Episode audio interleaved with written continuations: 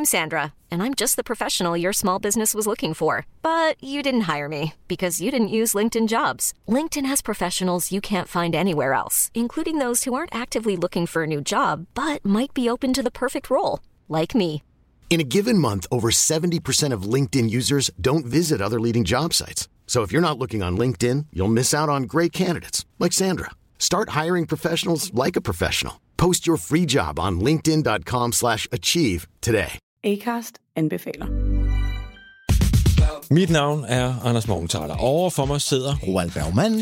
Vi har lavet en ny podcast, der hedder Dopaminklubben. Og Dopaminklubben er en klub, hvor ADHD er fucking sjovt, og hvor det griner. Det behøver ikke at være super alvorligt. Vi er skide trætte af alle de der podcaster, der forklarer mig og nederen der. Vi gør grin med vores ADHD. Mulig ADHD. Ja, vi udreder mig, fordi nogen siger, at jeg har det. Jeg ved det ikke rigtigt, det finder vi ud af. Vi har i hvert fald lavet vedmål.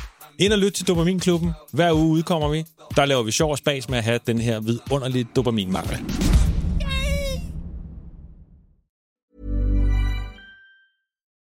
Niklas Hermansson är journalist och har jobbat inom media i 20 år. Han har nu sadlat om till egen företagare och föreläser om framtiden. Välkommen hit, Niklas Hermansson.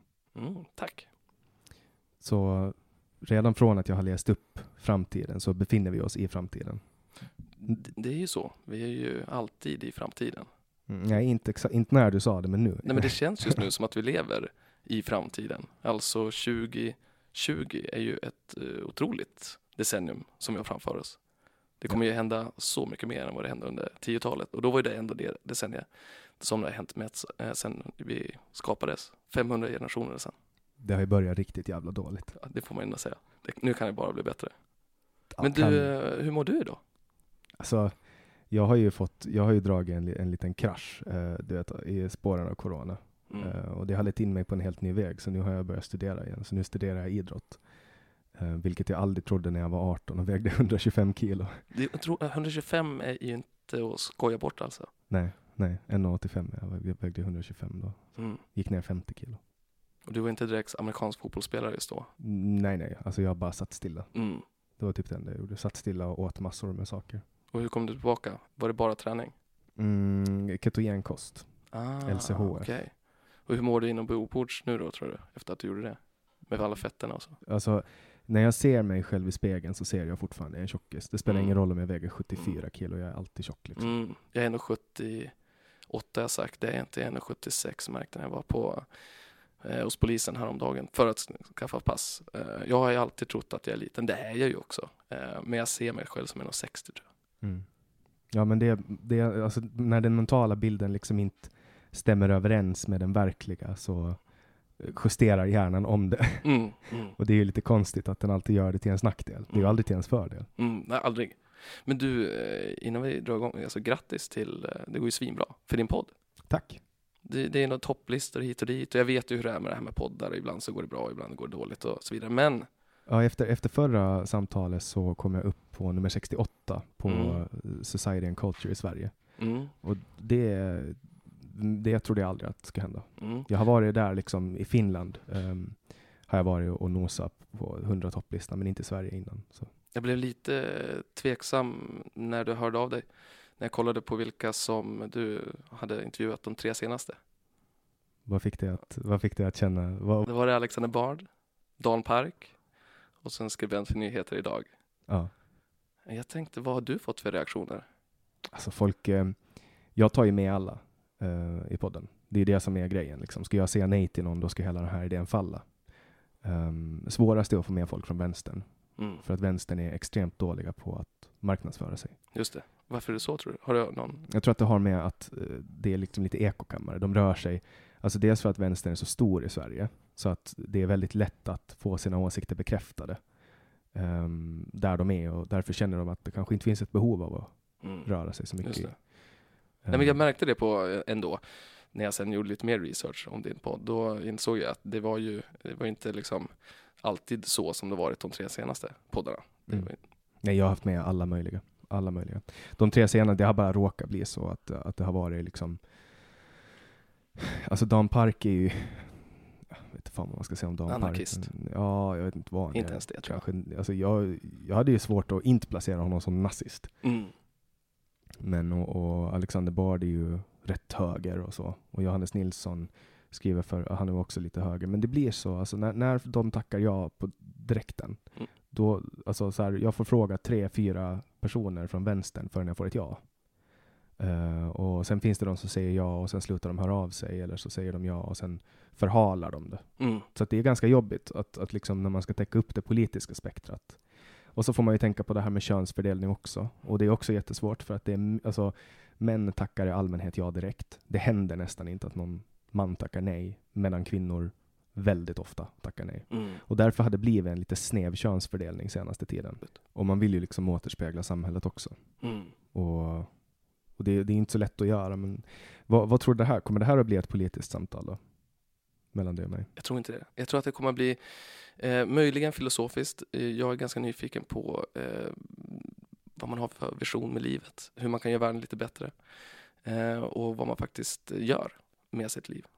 Och eh, jag har läst på lite grann om dig. Så att det här tror jag kan bli en annorlunda podd på det sättet att jag kommer att ställa lika många frågor till dig Mm. som eh, du kanske eh, kommer göra till mig. Mm. Och formatet tillåter ju det. Det är ju ett samtal. Alltså, det här ska ju vara precis som att vi sätter oss ner på vilket fik som helst och pratar. Mm. Och jag menar, det är ju din podd också. Jag antar att många är intresserade av dig.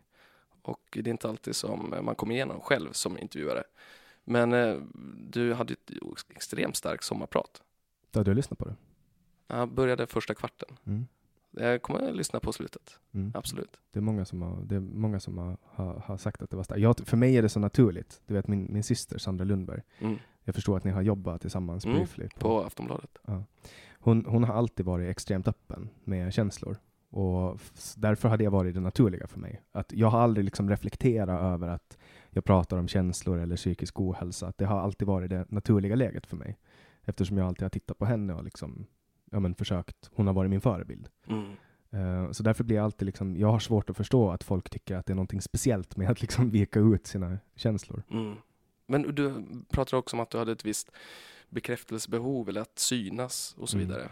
Ja, annars är man ju inte i media om man inte vill, om man inte vill fläka ut sig. Jag kan tänka mig att du kan identifiera dig lite med det. Absolut så.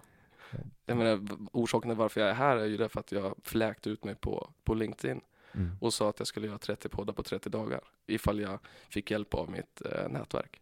Hur har det gått hittills? Då? Hur många har du varit med? Ehm, jag gör ju väldigt många experiment. Jag har alltid ett experiment som pågår eller flera parallellt. Ehm, det här var då det senaste och ehm, jag vet ju inte hur det kommer gå. Det är därför jag gör de här experimenten. Det här baseras på en kvinna i USA som hade varit med i några poddar men ville göra mer poddar och då eh, Eh, så gjorde hon exakt så. Hon bad sitt nät- nätverk att tipsa om poddar där hon kunde vara med och tipsa om ehm, ja, ifrån kände personer som kunde hjälpa henne.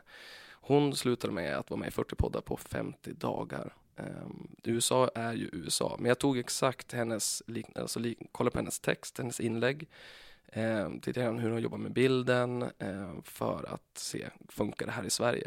Och då kan man säga så här att nu var det här kanske två veckor sedan eh, som jag lutade inlägget.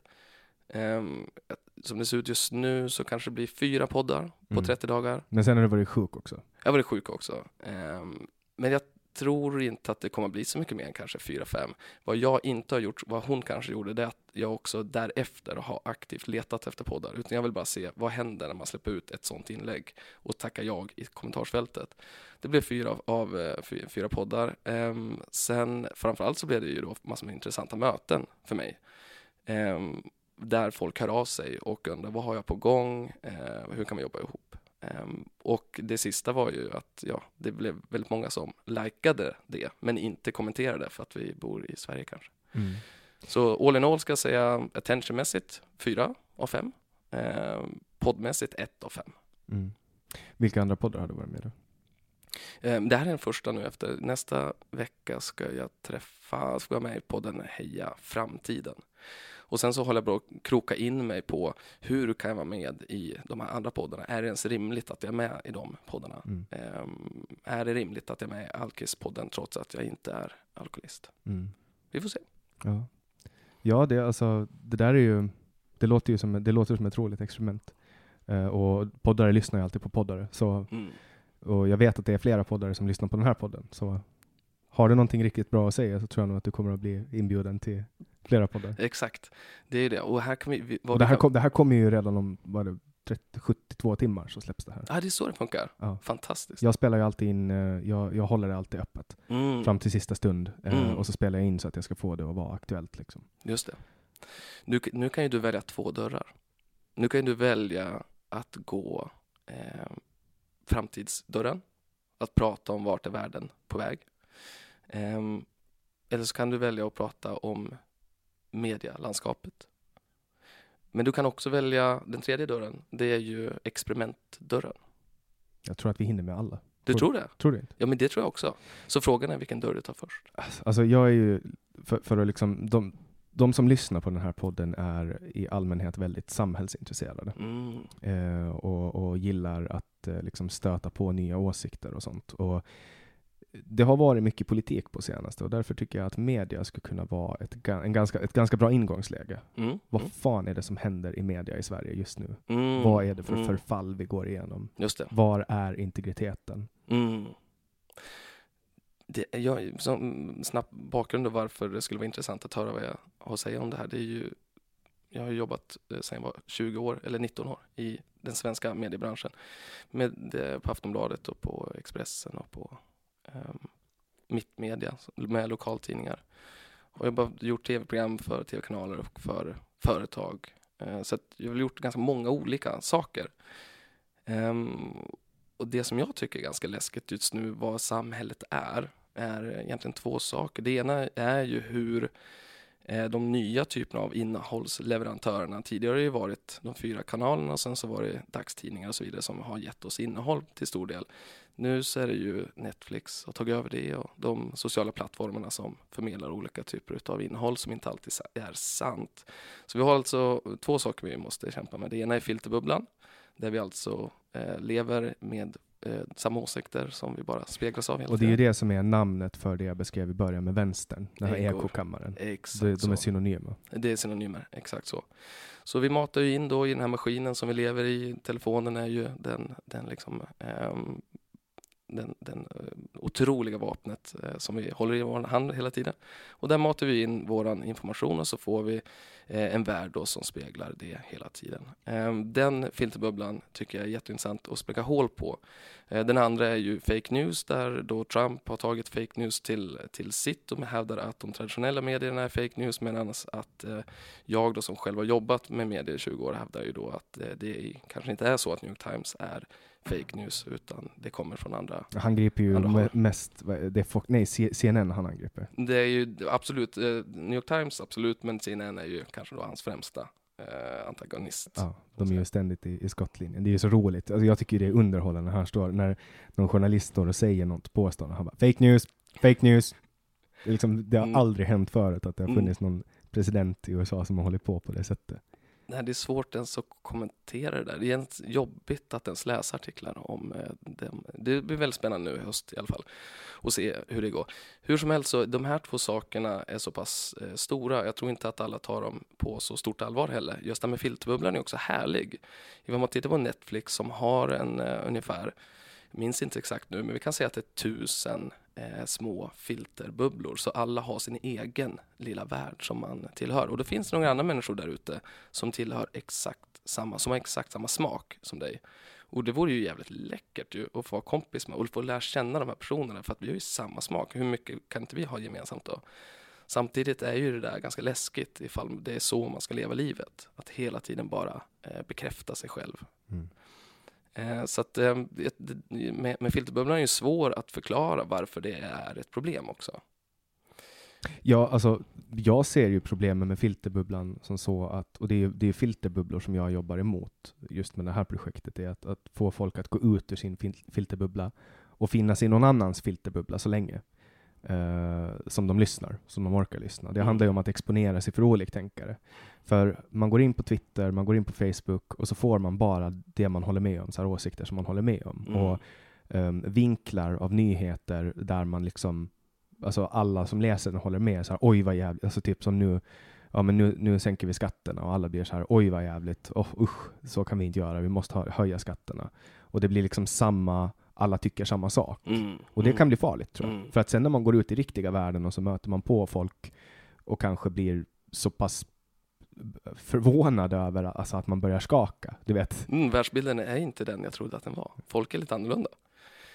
Men det är ju då ett problem är ju att de traditionella medierna såklart, eh, det är ju ingen hemlighet att eh, det är svårare för dem att tjäna pengar på annonsering eh, så som världen har utvecklat sig, eh, vilket betyder att man måste satsa på prenumerationer.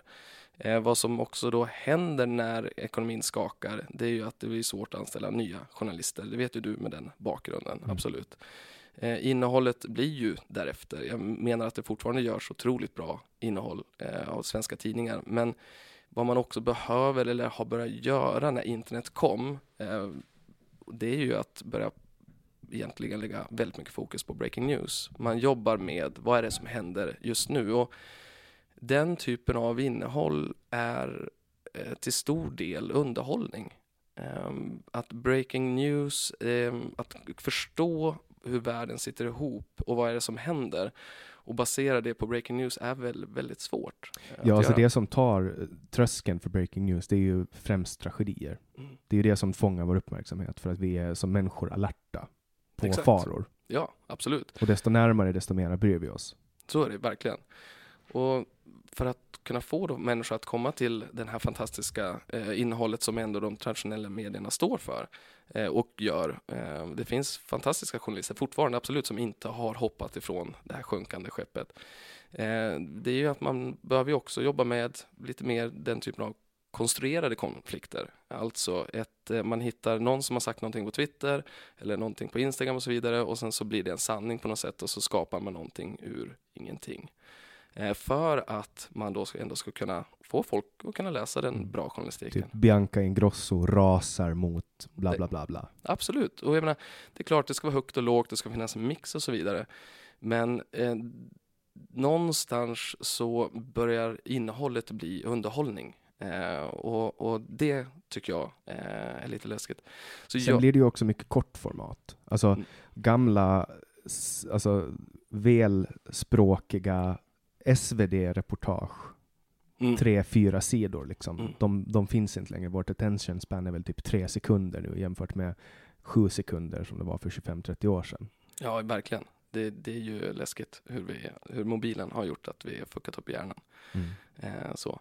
Nej, men, och då, jag tänkte på det, eh, eller jag har tänkt på det en, en längre stund, eh, att vad, eh, vad, vad kan jag göra då för någonting? Och hur kan jag, göra för att bidra till att väga upp, eh, vara någon sorts motpol till fake news? Och det du börjar med var att sluta jobba som journalist. Exakt, exakt, jag började jobba med reklam. Men jag saknar journalistiken väldigt mycket. Eh, så nu har jag gett mig fan på att, eh, okej, vad händer ifall jag startar ett nytt me- mediehus? Jag startar ett nytt mediehus som ska bekämpa fake news. Det är klart jag inte kan göra det själv, men jag kan vara en motpol, hjälpa till, eh, göra mitt. Ehm, jag vill också spräcka hål på filterbubblor, precis som du gör. Ehm, och jag gör det genom att jag egentligen kurerar nyheter. Eh, världens bästa innehåll. Ehm, varje vecka så går jag igenom ungefär 2500 rubriker. Det har jag gjort i ett år, två, tre år, de senaste tre, två, tre åren. För att egentligen bara säga vart är väg, världen på väg?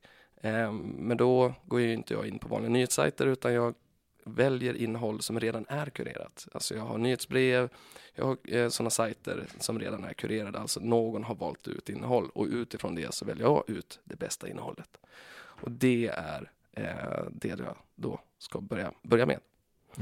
Ehm, så det blir en kurerad tjänst. Ehm, Typ som Bubbla fast inte libertarianer. Bubbla, berätta. Eh, Det finns ju en nyhetssajt som heter Bubbla, Mm. bubb.la, som, eh, som släpper varje dag släpper de, eh, ja men typ, de är libertarianer och så släpper de eh, nyheter ur ett libertarianskt Perspektiv, perspektiv. ja. Just det, de bara, men de samlar, det är som en länksamling liksom. Mm, som ett. RSS-flöde. Ja, jag fattar. Nej, jag, jag är ju tänkt, tänkt att ta det där mycket längre och, och komma ut med nyhetsbrev där jag också reflekterar över de här nyheterna. Um, med en sajt och alla sociala medier. Um, förlängningen podcast, tv-program. Um, Har du släppt någonting hittills? 5 oktober. 5 oktober. Ifall du går in på nomofomo.se. Nomofomo. Så alltså, eh, FOMO det är ju fear of missing out. Exakt. Och Nomo är No more. No more fear Ah. of missing out. nomofomo.se. Det bästa på internet. Det bästa på internet. Varje dag. Ja, så det är typ som Omni fast Exakt, som Omni.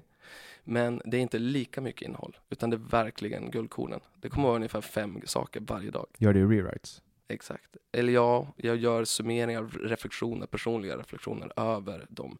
För att alla orkar inte läsa det heller. Mm. Måste göra. Så att det blir en typ av rewrite. Mm. Men inte lika eh, objektiv kanske. Spännande. Och det kommer, det kommer att vara en app också då?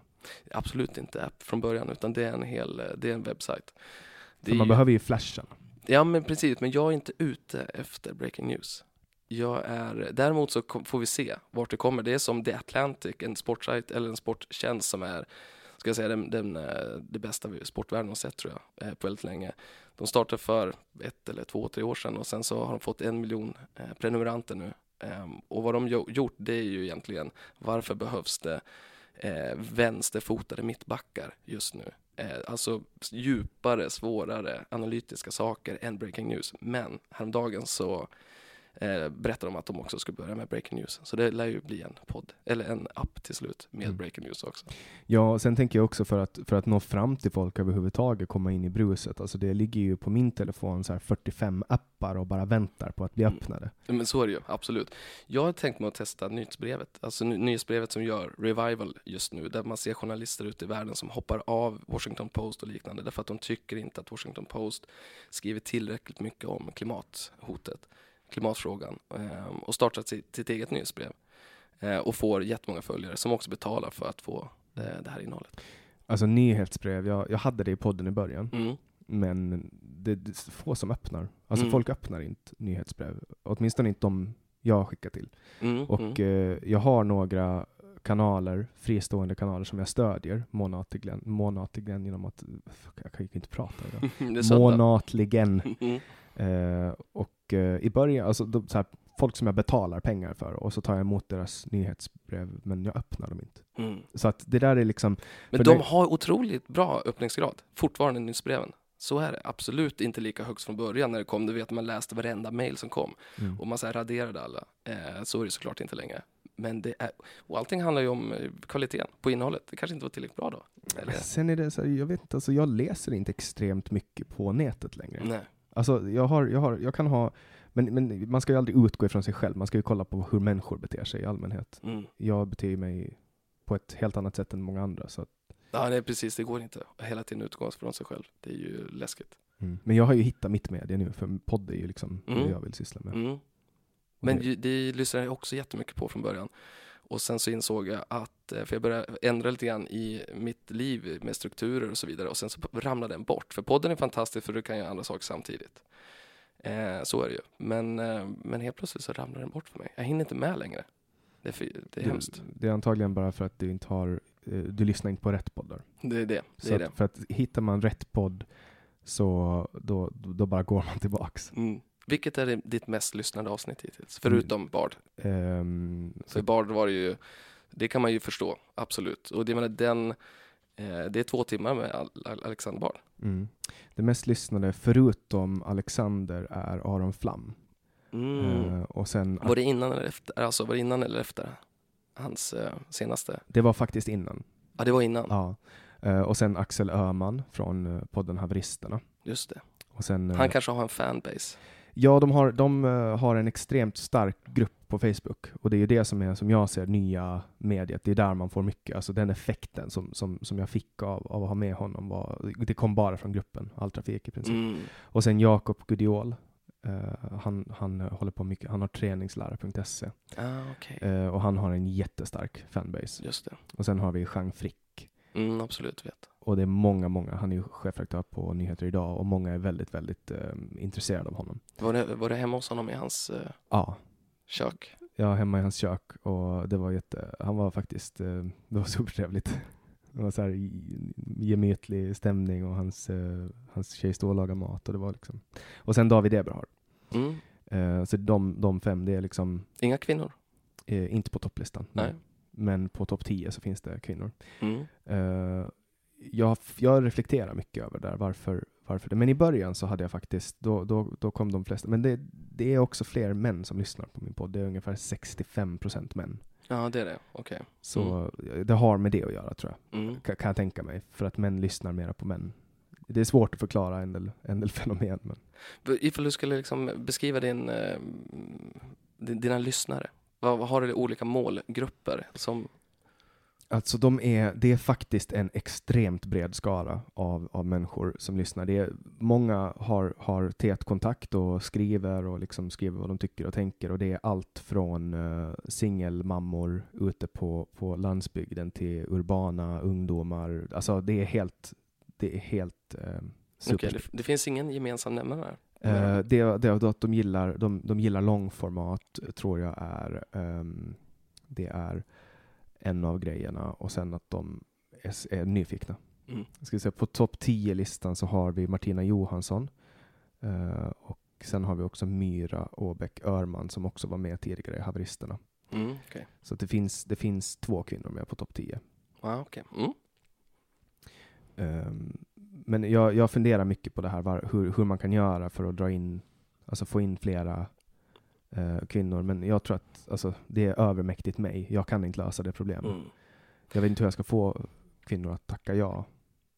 Det är ju, det här är ju någonting som, som eh, jag absolut brottas med. Det är ju allting vad man konsumerar med eh, böcker till musik till eh, vilken typ av favoritskådisar har man. Det är ju genomgående vad jag har insett att jag behöver göra nu till exempel med när man startar en då kurerad nyhetstjänst det, som kommer ut med eh, x antal eh, spaningar varje vecka. Det är ju att jag måste ha någon som har de ögonen på det här innehållet och hela tiden feedbackar på mig. Mm. Eh, så den eh, typen kommer jag ha just för att försäkra mig om att jag inte går, går snett. Mm.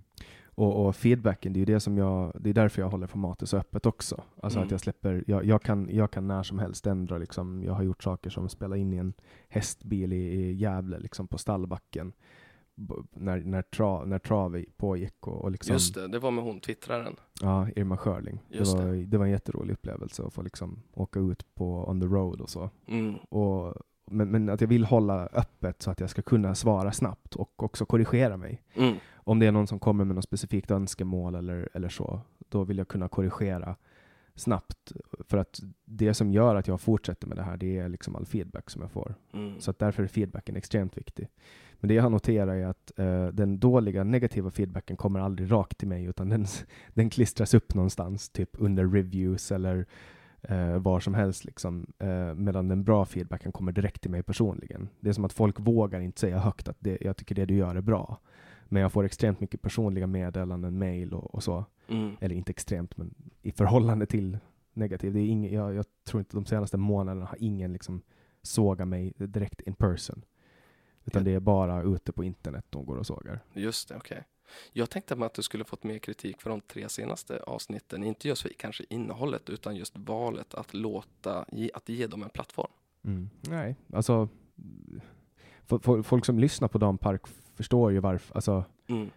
Hörde du samtalet? Ja, jag, hörde, jag är ju ungefär som en böcker. Jag läste första eh, och så försöker jag lyssna på slutet. Mm. Och där någonstans så hoppas jag att jag får mer information genom att göra det på många saker än att lyssna igenom allt på mm. några få saker. Jag satt ju mycket förvirrad och oförstående i det samtalet, för mm. jag, jag fattar inte vad han, alltså hur han, vad han menar liksom. Hur man kan marschera med nazister, ha jackor på sig med hakkors på, rösta på Nordiska motståndsrörelsen, hänga med nazister um, men, och bli dömd för hets mot folkgrupp men ändå inte kalla sig nazist. I min värld är det ganska så här, det är lite konstigt. Uh, och så, och han, var för, han var ganska förvir, förvirrad tror jag. Han visste inte riktigt vad han skulle svara på uh, frågorna, kunde jag känna från början. Nej, han, han är... Syftet var väldigt oklart. Exakt, syfte. Jag, jag förstår inte hans syfte. Nej, jag, exakt. Han var liksom svår att sätta fingret på och jag tror, jag tror bara att det är gynnsamt för samtalet att, folk, att sådana får höras. Därför att nästa gång de ser att ja, nu har Dan Park hängt upp någon bild på Hitler igen utanför judiska församlingen, då vet de, jaha, det är han och så vet de vad han håller på med, mm. vem han är. Och jag, jag, tror bara att det är liksom att sprida, det, det, det, är att sprida information om, för människor får ju själv fatta beslut om vad de tycker. Alltså tycker någon att han är vettig av att höra det där, då är ju de redan lost. Men så är det, man avdramatiserar ju Dan Park genom att ge honom eh, två timmar och en mikrofon. Eh, för skulle man inte göra det så kanske man skulle tro att det fanns ett större syfte. Att det mm. finns en superhjärna där bakom på något sätt som håller på med ett spel. Mm. Men det gör det inte. och Johannes Nilsson då, som, som nu skriver för, för Nyheter Idag, han är, jag lyssnar mycket på hans poddar och tycker att han är en superbra poddare. Och han, han är också väldigt filosofisk i sina resonemang och han har varit med under en ganska cool tid av Sveriges eh, kulturella mognadsfas. Eh, 80-90-talets liksom eh, alla de här Simon Gärdenfors och alla de som ändå är alltså ganska stora influencers idag, rent kulturellt. Alltså, Simon har väl en av de större poddarna i Sverige, Arkivsamtal. Näst, ja, nästan hans namn på den här podden. Men, så att det, han, men han, han är um, harmlös i, i, mina ögon. Mm. Han är liksom... Jag ryggar ju tillbaks direkt när jag bara ser och så får jag en känsla i kroppen så att jag blir lite kall. Mm. Det är ju för att du är hårt indoktrinerad av Aftonbladets eh, kulturredaktion. Mm, du tänker så. Ja. Åsa Linderborg. Ja, det var ju för han, Johannes Nilsson poddade ju med K. Svensson när K. Svensson var med i P3 eller någon podd. Och det var no, jag vet inte om det var P3, men det var någon podd i alla fall, där han sa att han skulle dra en yxa i fittan på Åsa Linderborg. Just det, just det. Det var den, jag minns absolut eh, de, den månaden, minns jag. Mm. Och, då, Skarpt. och då, hade, då, det var, då hade de spelat in ett avsnitt, K och eh, Johannes. Och sen veckan efter då så, så gick K. Svensson ut i deras podd, Magister, och, och pratade om det här. Mm. Och den börjar ju så weird, den podden, men det är faktiskt, jag tycker de är alltså, extremt underhållande och, och intellektuellt utmanande att lyssna på Johannes och K. Det, var, det, var, det var snarare att eh, så fort jag ser nyheter idag så får, får jag lite kalla Mm. Jag rekommenderar att du lyssnar på samtalet med Mm. Jean Fick, för att det avdramatiserar ganska mycket. Jag fick en inloggning till nyheter idag och liksom ehm, har läst och liksom sett att mina fördomar, det var inte riktigt som jag trodde. Det är inte liksom som avpixlat och så. Jean Frick avfärdar ju dem, alltså samhällsnytt heter de nu tror jag, Mm. Mm. avpixlat, för att de är liksom, de är så entoniga, monotona. Dagens Nyhet, nej men, eh, Nyheter idag har ju gjort ganska många, eller inte ganska många, men flera stora avslöjanden. Iraks försvarsminister till exempel, hans affärer och sånt. Så att de har ju gjort en stor journalistisk gärning i Sverige och det kan man liksom inte ta ifrån dem. Även om deras läsare består av frustrerade medelålders män som röstar på Sverigedemokraterna till stor del. Mm. De vita kränkta männen. Typ. Har, du varit i närheten av, att vara en sån? Mm, nej, det skulle jag inte säga. Jag blir, jag blir sällan kränkt. Eh, det händer att jag blev, jag blev kränkt på Twitter här för en vecka sedan när, när eh, det var en snubbe som gick ut och, och totalsågade min poddkollega från min andra podd, Generation YX. Just det. Då blev jag lite kränkt för att Mm. jag don't mess with my buddies liksom. Just det. Så- Då blev du arg. Ja, sekundärkränkt blev jag. Ja. För att jag, jag tycker inte att man, man ska inte hålla på, man kan vara snäll med folk, man behöver inte vara elak liksom. Mm. Mm. Men nu ska du plugga eh, idrott. Ja, Fast du ville bli, du kanske är journalist, men Alltså jag hoppade av gymnasiet eh, när jag var 18 eh, för att jag fick möjligheten att jobba som reporter. Uh, och när jag fick den, när jag fick smaka på den förbjudna frukten så fanns det ingenting som lockade med skolbänken. För det var, skolbänken var liksom terror för mig och jag mådde jättedåligt där. Men på redaktionen så mådde jag bra och jag hade vuxna förebilder och det var liksom helt plötsligt bara föll allting på plats. Så jag valde att fortsätta med det och hade åtta goda år. Och, och sen kom corona och jag hade gjort samma resa som du, att jag gick från journalistik till reklam mm. därför att det efterfrågades min kompetens där och det fanns liksom mera pengar och säkrare jobb och så. Och det här var på Åland som du skulle jobba? Ehm, med reklam, eller var det i Stockholm? Alltså jag bodde i Stockholm i tre år Okej. Mm. och jobbade med reklam inne i Stockholm och hade fast jobb och så. Men eh, sen ställde jag upp i val på Åland. Så Just så det, hamnade så jag. var det. Mm, Okej, och nu får du knappt komma tillbaka till Åland eller? Efter Ja, det? jag vågar knappt. Vad hände för någonting? Vet alla dina lyssnare här? Ja, de vet nog vad som hände. Jag, Mm. jag beklagar mig ganska mycket över det. Nej, men jag blev invald som... eh, Då var du lite kränkt kanske? Nej, jag var inte kränkt. Jag var väl ledsen för att... eh, Alltså jag gick ju i krig med public service. Mm, just det, så var det. Och, och, och sen fick jag äta upp det, för jag blev invald som reserv i vårt parlament. Och, och då helt plötsligt så var jag en offentlig person och då fick vem som helst säga vad som helst om mig. Och då var det en kille som gjorde en film på Youtube. eh, han hade hört när jag skojade om droger. Och, och han, då blev han kränkt och gjorde en Mm. film om det och public service eh, valde att skicka sin, sitt artilleri på mig. Eh, och sen bland annat det, men också att um, corona kom och, och lite sådana saker, så hade jag väldigt svårt att få det att gå runt. Och då tänkte jag att men då passar det bra att gå tillbaka till skolbänken.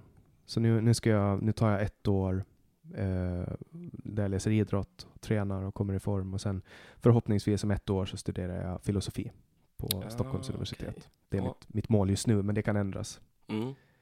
Och nu nu ska du börja träna också här ute. Det är ju intressant, kan vi inte säga det, att vi sitter ute på Värmdö, så långt man kan komma Ja. ute på Värmdö. På Lillsved folkhögskola, en riktigt gammal, eh, anrik skola. Otroligt vacker natur. Ehm, man kan ta färjan över från, till Rindö och sen Vaxholm och så är man i Åkersberga. Mm. Kan jag köra hela vägen hem till Åland, bara genom Norrtälje. Magiskt. Ja, det är riktigt fint. Sen får man ju ta båt såklart. Men det är, det är jätte, jättefin plats här ute och jag trivs otroligt bra. Och nu när du ska plugga idrott, vad betyder det? Ska du bli lärare då? Nej, Alltså, jag blir eller ingenting. Alltså, jag, Bara jag, någonting, du måste göra någonting. Jag måste göra någonting. Ja, så, så jag blir ingenting. Jag får, jag får ett, liksom ett eh, folkhögskolebetyg. Eh, så hälften, hälften av tiden och så studerar jag i kapp gymnasiet och får ett, sen, så att jag får skriva högskoleprov då. När man får börja skriva dem igen Mm, såklart. mm. Eh, men, men målet är att jag, eh, jag gör ett år här och kommer i form. Vi har ju gym och liksom, vi är 50% av tiden så är vi i princip ute och springer och håller på med olika saker. Ute på sjön och paddlar kajak. Så Okej, vidare. så vad har du någon målbild här nu då? Om ett år? Ifall vi ses om ett år, hur kommer du känna, se Ja, ut? då, kommer jag vara, då kommer jag vara väldigt vältränad. För takten här, alltså den aktiva takten här, jag bränner ungefär 2000 aktiva kalorier om dagen utöver min eh, base eh, metabolism rate. Så att Mm. Jag kommer att vara vältränad, eh, förhoppningsvis rak i ryggen. Jag har blivit två centimeter längre sedan jag kom hit. För jag har börjat foamrolla Ja, ja, ja, på morgonen. Jag är, på, jag är på gym eh, kvart över fem varje morgon och använder en foamroller. Och tydligen så har jag haft en viss kompression i kotorna för jag har blivit mycket längre. Mm. Så det är lite roligt. Magiskt. Och hur går det med psyket? Det går bra. Mm. Eh, alltså, när man tränar så mår man exceptionellt mycket bättre än när man inte gör det. Eh, och med lite tur nu, ta i trä, jag har ett glasbord, men ta i trä, eh, fortsätter jag i den här takten som jag gör nu, alltså daglig träning, så tror jag nog att jag klarar vintern med en ganska mild depression. Mm. Mm. Och kanske att du kan leva tills du blir 80. Förhoppningsvis. Mm. Förhoppningsvis. Det är ju dubbelt längre än vad man lever om man är bipolär på det sättet som jag Mm. är. Mm. De flesta dör före de är 40. Det är så ja. Ja. Du, hur gammal är du idag? 26. 26. Hur går det med kalla duschar? Ja, alltså. Det, det skulle inte vara så dumt med kalla duschar här för att spara lite. Jag har bara en liten varmvattenberedare. Men, men jag gjorde det förut. Men jag, Mm. kanske, jag kanske ska hoppa på det igen. Det är magiskt. Endorfinerna, man kickar in. Man blir lycklig i flera, flera timmar ska jag säga. Ja, men då ska jag, då ska jag köra lite kalla duschar. Mm. Faktiskt. Alltså jag gjorde det förut. Ehm, men jag vet inte varför. Det är, mycket, det är många av de här goda vanorna som jag ackumulerar under tiden när jag blev nykter som, som bara har försvunnit. Mm.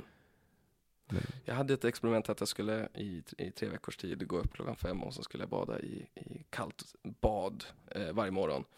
Ehm, och försöka ta mig hur långt jag då kunde ligga kvar i det här badet till slut. Och till slut så gick det så bra så att, att man kunde ligga fem sex minuter. Så när man gick upp, när man då ligger i kallt bad på vintern, då blir det alltså minus sju grader.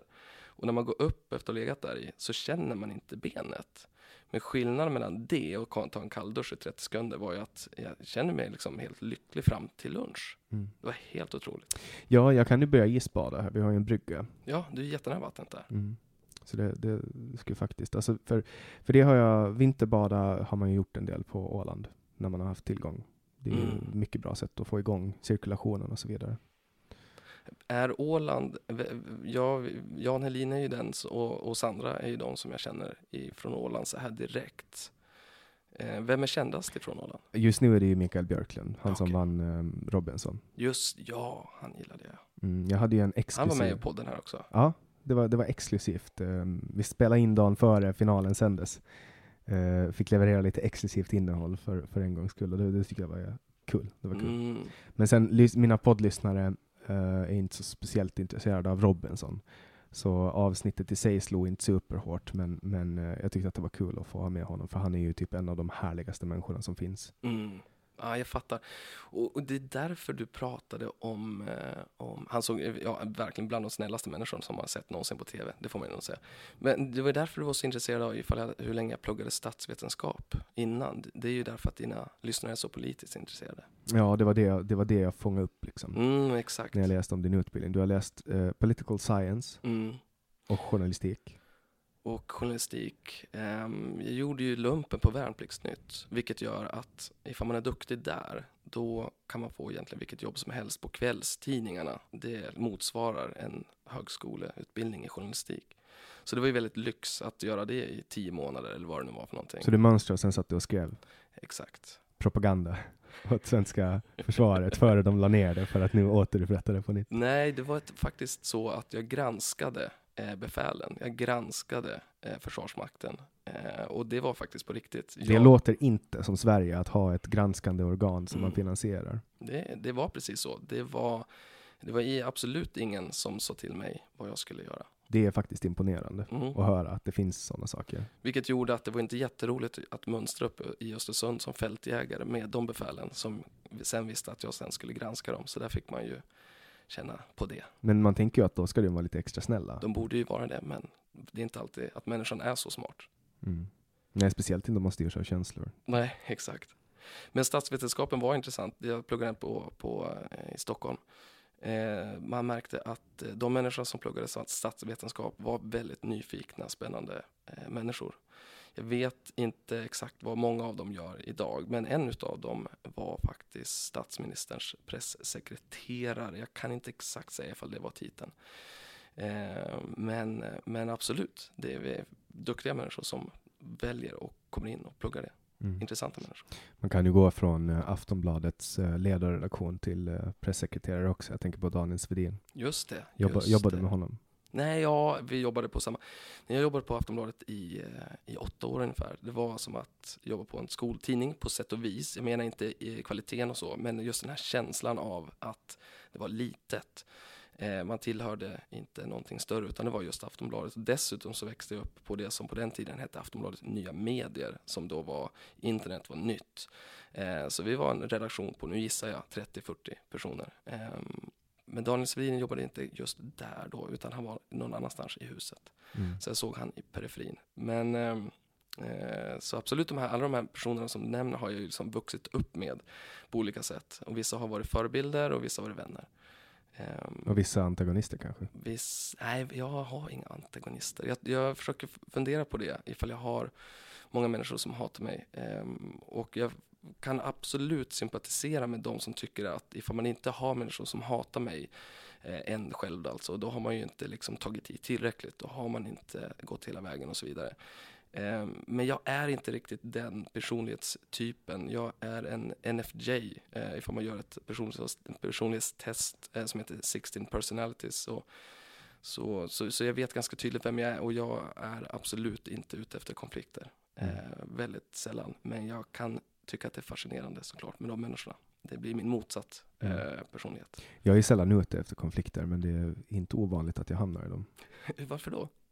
Nej, jag vet inte. Alltså, jag tycker om att, jag tycker om att stöta, stöt, stöta mina åsikter med folk. Stöta mot dem och så. Mm. Här i, Bara genom att ha den här podden såklart, det är ju lite provocerande. Mm. Samtal två timmar långa och du bju- bjuder hit folk som är eh, ytterligheter på vissa sätt, inte alltid, absolut inte. Vad är kriterierna för att komma med i eh, samtal? det finns inga kriterier. Det är så här, ibland så ham, man hamnar på min karta bara. Mm. Och det är, det är, jag får hjälp av, av folk hela tiden. Alltså att, att folk, folk, folk får önska. Eh, och sen försöker jag ju, du vet man försöker göra någon form av så journalistisk eh, överläggning och Mm. styra innehållet mot ett mål. Men nu, nu vill jag bara, nu, nu, nu har det här blivit en del av min veckorutin. Och, och den gynnar mig väldigt mycket. Alltså den här podden ger mig personligen extremt mycket. Därför att jag behöver hela tiden vara social. Så att även om jag känner mig jättelåg och jättenere så behöver jag liksom duscha, klä på mig. Mm. Jag har en liten ritual att jag tar på mig fina kläder när jag ska spela in. Bara för att liksom falla in i rollen. Eh, och när jag är deprimerad så kan jag bara liksom sitta hemma i fem dagar utan att gå ut liksom och träffa en levande själ. Men sen måste jag spela in och då duschar jag, rakar mig, klär på mig och sen liksom och det tar ju det tar ett tag att scouta och få ihop, få ihop, få det att funka och liksom så att ehm, det är en mycket bra rutin för mig. Mm. Men det finns liksom inga specifika kriterier utan jag tar det lite som det kommer. Klädtricken är ju intressant. Jag känner igen det. Jag testar testade att se, kan man skriva en bok på 30 dagar? Mitt problem med det eh, var ju att, eh, att jag hade två barn dessutom. Så att det blev, eh, och det var semester, så att jag hade tre timmar varje morgon. Och då hade jag rutinen att, eh, att jag gick upp och så att jag hade tre timmar på mig att skriva. Då tog jag på mig samma kläder varje morgon och jag tog på mig de kläderna som jag tänkte mig att Bret Easton Ellis skulle haft på sig eftersom han var min favoritförfattare. Ehm, och det gick, det gick vägen. Och jag tror väldigt mycket låg i det här uh, rutinerna, kläderna, känna sig fin eh, var det för mig då. Vad handlar den boken om? Eh, Den boken gick ut på att jag förklarade om de experiment som jag har gjort i livet för att optimera det för mig själv och de runt omkring mig. Ehm, Men jag ville inte ge ut den boken därför jag kände att ehm, eh, dels så ville jag också se, kan man ge, skriva den och ge ut den på en månad, alltså i, i självpublicering. Men jag kände att ge ut de här, eh, jag, jag, sitter på lite för mycket guld här. Jag vill, Mm. göra, jag vill ta ut det på något annat sätt. Jag skulle vilja ta ut det som ett, ja, jag skulle vilja ta ut det som ett tv-program egentligen. Mm. Jag skrev också en bok eh, 2017, ehm, eller om det var 2018 kanske. Men den har inte jag gett ut heller. Eh, och den skrev jag under en, ja, men under en hypomanperiod. Alltså jag bara spottade ur mig text. Det var en facklitterär bok. Och när jag läser igenom den, jag tittar på den lite nu i, då och och och du vet vanligtvis när man skriver en text och kollar på den i efterhand så brukar man tänka ah, det här var Mm, lite mm, jobbigt. mm. Men när jag läser det här så tänker jag jävlar vad, vad jag var på skaft då. Ah, all right. Kul. Men jag vill inte ge ut den för att den skulle inte göra världen bättre. Nej, okej. Nej. På, på, va- varför menar du att den inte skulle göra världen bättre? Ja, men jag skrev, det, den handlar om, om försäljning, Mm. alltså om krängning, att kränga Ah, saker. Jag fattar. Och, ja. och jag vill inte, eh, alltså jag, jag vill, alltså för jag jobbar med det i Stockholm när jag blev nykter och skaffade mig ett sober job och, och, och då krängde jag. Och jag tror inte att världen blir så mycket bättre om jag ger ut den boken. Det Mm. finns ganska Mm. mycket böcker redan om försäljning och olika knep och tricks och sätt att manipulera. För det är ju det, är ju det man gör i princip. Mm. Man manipulerar. Ibland ska man vara glad att man inte ger ut böcker. Jag kommer ihåg att jag började skriva en bok när jag var eh, 20 eller liknande. Jag eh, jobbade på eh, Aftonbladet tillsammans med, eh, eller jag var lite äldre än så, men med Ronny Sandahl ju, som idag håller på att bli en riktigt stor filmmanus eh, och till viss del regissör. Då. Ehm, han gav ut en bok. Eh, jag gav ju aldrig ut en bok. Jag började, tog egentligen dörren då att bli chef inom media på olika eh, sätt. Medan han fortsatte och levde ut sin dröm och började göra filmer och senast så gav han ut Borg och kommer ut med nya saker hela tiden nu. Ehm, men då så började jag skriva en bok och då ska jag tillägna den Jonas Inde. Och det är jag ganska glad för kanske nu då, att det inte blev så. Att du inte gjorde det. Ehm, Nej, och det, där tänker jag också att ehm, det, den vägen som jag tog nu, det kanske var bra att jag inte släppte en bok om försäljning. Mm. Därför att då ger, då ger jag ut det, alltså mina hemligheter, eller det sättet som jag opererar på. Jag ger tillgång till en del av min hjärna och mitt beteende. mm, För att jag, tänk så, ja, men för, försäljning handlar ju om att sälja in idéer, sälja in sig själv, sälja in koncept. Och om man då har en handbok till min hjärna så är det ju inte fördelaktigt att gå in i en förhandling med en kund. Nej, jag skulle nog säga att 99 gånger av 100 är jag helt för att egentligen bara ge bort allting du har. Eh, därför att eh, folk tar ändå inte efter det. Alltså folk är så lata. Men däremot eh, ska jag nog säga att det här är case 100 av 100 då. Att du inte ska ge ut den. Just därför att det handlar inte om det. Det handlar om att du helt enkelt blir avslöjad. Mm, Eh, så. Smart, exakt. ska jag säga. Men sen, sen handlar ju mycket också om, det är som du säger, att folk tar inte efter det man, man gör. Men när, när, jag tycker inte att det är något fel att ta efter. Alltså som den här podden är ju rakt av i princip kopierad från Hur kan vi? Som i princip rakt av är kopierad från Joe Rogan. Mm. Man tar ett koncept som funkar och så sätter man sin egen touch på det. Gud, ja. Det var ju det Kör. du gjorde med den där posten som du sa till exempel. Nej men verkligen. Absolut. Att Man ska aldrig vara rädd för, alltså man behöver inte uppfinna hjulet. Man kan göra någonting bra utan att uppfinna hjulet. Och med tanke på att vi bor i Sverige dessutom så kan man ju sno hur mycket som helst från Kina och USA och eh, applicera det Mm. eh. Det, det är ju inte alltid det funkar, det som funkar i USA funkar här. Som mitt eh, s- eh, 30 poddar på 30 dagar Mm. funkar det ju inte fullt ut. Nej men vi vet ju inte, vi vet inte ännu. Nej, det är sant. Det här kanske är eh, snöbollen som börjar rulla. Ja, jag kan ju ta med det, jag ska spela in eh, på eh, onsdag också med Anders Hesselbom till min andra podd. Just det, den heter, jag lyssnade på, på den på vägen ut hit. Generation YX. Just det. Det Vad är syftet med den? det, är, det är jag och Anders Hesselbom som pratar om, om samhällsfrågor från två olika generationers perspektiv. Så han är generation X och jag är generation Y. Och sen bara babblar vi. Och Just vi båda är så här, två ganska insnöade, nischade snubbar. Eh, och vi har väldigt roligt när vi poddar. Så det, är som, det, har, det blir någon form av självterapi för oss. Vi spelade in ett samtal i somras och vi hade så jävla kul så att vi ville fortsätta. Så vi startade en podd. Vi får se hur det är. Det är, liksom, det är en, ett litet nördprojekt på sidan, men jag tycker det är jättekul. Mm, Så vi kan ta in dig där också. Ja, 50 verkligen. minuter. Ander, absolut. Anders får uh, intervjua dig, jag, jag styr ihop det. Mm. Kom, då, och det kommer på fredag, så då kommer du med två av mina poddar. På. Ja, men det är magiskt. Ja. Jag måste hjälpa dig också. Det kommer jag göra. Eh, Det, det är jag helt övertygad om. Men jag, för, jag, jag förväntar mig ingenting tillbaks. För mig, för mig är det samtalet som är det viktiga. Och det är ganska refreshing att inte sitta och prata djupa filosofiska teorier. Även om det är typ det bästa jag vet, Mm, så, mm. så kan det vara ganska skönt att inte göra det någon gång. Ifall du skulle få hjälp med den här podden, samtal. Eh, och då menar jag inte bara från mig, utan rent generellt. Du har ju några fans där ute som sitter och lyssnar på det här just nu.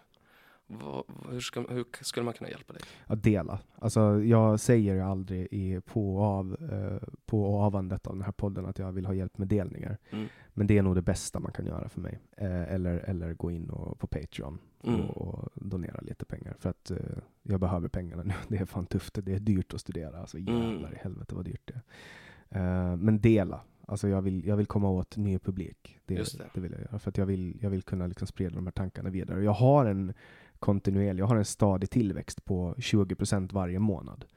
Eh, och det, jag tror att det är ganska få förunnat. Men jag gör ingen extern marknadsföring. Jag Mm. betalar ingenting för marknadsföring, utan jag låter den växa organiskt. Och det är 20% tillväxt Just det. månad. Så du lägger väldigt mycket tid på själva producerandet, men inte så mycket på publiceringen. Mm, nej, och, Nej. Det, och det är självvalt. Det är Mm. valt för att jag, jag, vill ju, jag vill ju kunna ersätta min inkomst med Mm. podden. För jag vet att det finns många i Sverige som poddar på heltid. Ehm, men, men gör jag det på ett sånt sätt så att jag tar in annonsörer, då, då kan de liksom när som helst bli arga på någonting jag säger och dra bort pengarna. Mm, Då är det. det bättre att bygga upp någonting långsamt men Mm. säkert. Och därför har jag valt, även om jag har ett företag som sysslar ja, nästan bara med Facebook-annonsering och jag vet att jag skulle kunna dra in hur mycket lyssnare som helst på, på att göra Facebook-annonser, så gör jag inte för att jag, jag vill ha den här organiska tillväxten. Just det. Och hur funkar Swish kontra Patreon för dig? Ehm, Jag tänker då på intäktsmodell. jag föredrar Patreon, även om de tar 6% och, men de sköter skatten och, och, och så. Ehm, och sen är det också en, någonting som jag, jag vet att det kommer. Uh, Swishen går upp och ner varje månad. Så att då är Patreon, jag föredrar Patreon, även om, även om de tar liksom sina 6% så, Mm, så vet jag att ja, men nu, nu är det här på inkommande och då kan jag täcka mina fasta utgifter. för, det. att, för att det blir ganska mycket utgifter nu med tanke på att jag kör en del bil för att spela in och så. Mm. Nu behövde jag inte göra det idag för att du kom hit och det var jättetacksamt. Men an, annars i övrigt så. Har du någonsin tänkt på att skapa en podd där du, som du helt lå- låser in? Eh, men som är så nischad så att, och den finns inte.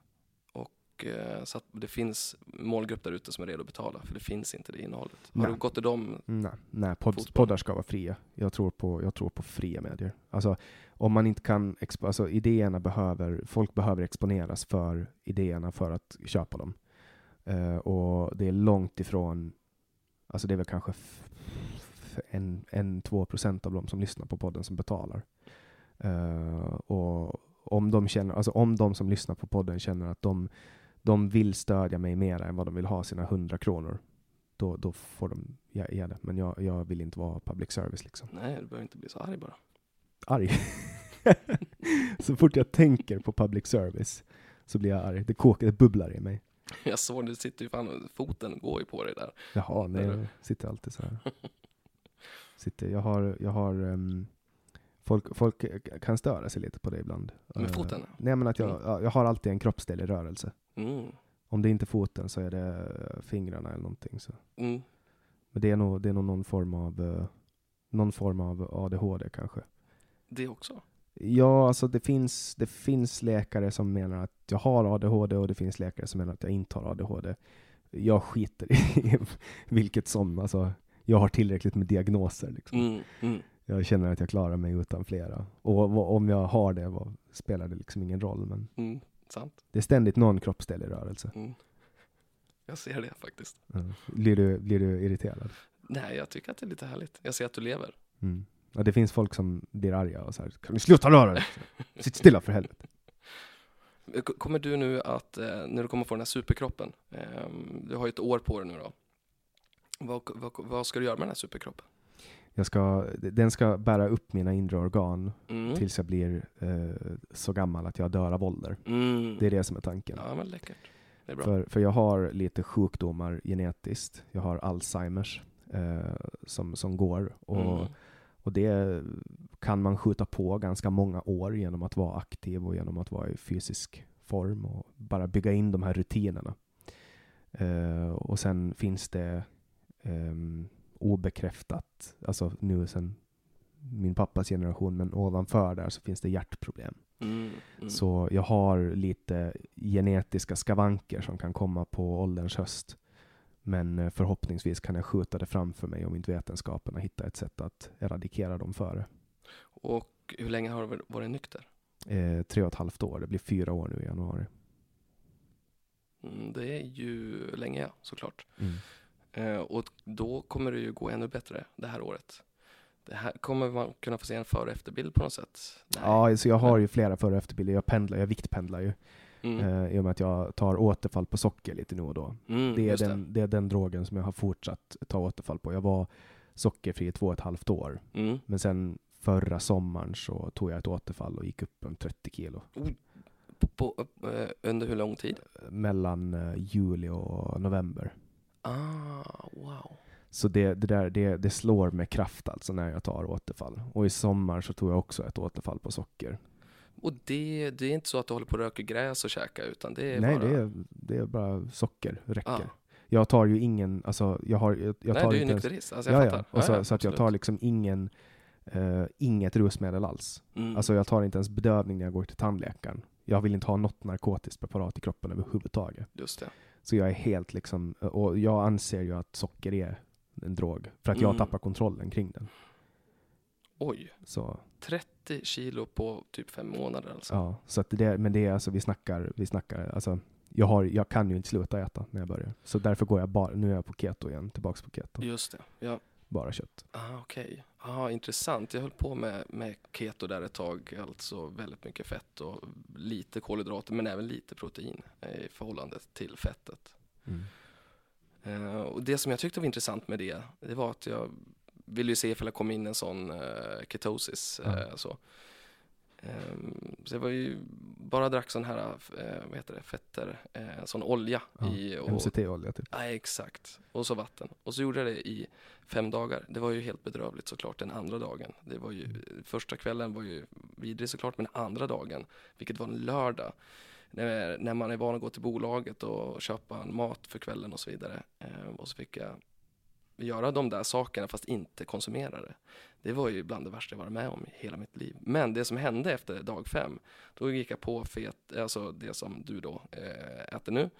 Eh, och så gjorde jag det i två dagar, sen gick jag till gymmet och så lyfte jag mer än vad jag gjort Mm. tidigare. Det kan ju ha varit att du fick en, jag, jag, jag förespråkar ju den här Mm. dieten, men det kan ju vara att du fick fem vilodagar också. Just det. För jag har märkt när jag blev förkyld, jag gymmar ju mycket, mycket, mycket 2017, 2018. Eh, och då blev jag, hamnade på en ordentlig förkylning och var sjuk över tio dagar. Mm. Och när jag kom tillbaka till gymmet så tog jag mycket mer än innan. Eh, och det jag kom fram till att det var att jag fick vila helt enkelt. Kroppen fick vila och liksom just det. reparera sig. Så det kunde ha varit långvilan också. Men, men jag upplever att jag funkar bättre på keto än vad jag gör om jag äter kolhydrater. För om jag äter kolhydrater så går jag runt och är ständigt svullen. Eh, inflammerad i kroppen och, och mår bajs psykiskt. Liksom. Mm, det går upp och ner också. Man är, måste hela tiden få in nya kolhydrater istället Mm. för att man käkar upp fettet i kroppen. Men idag äter jag bara kött. Så. Just det, okej.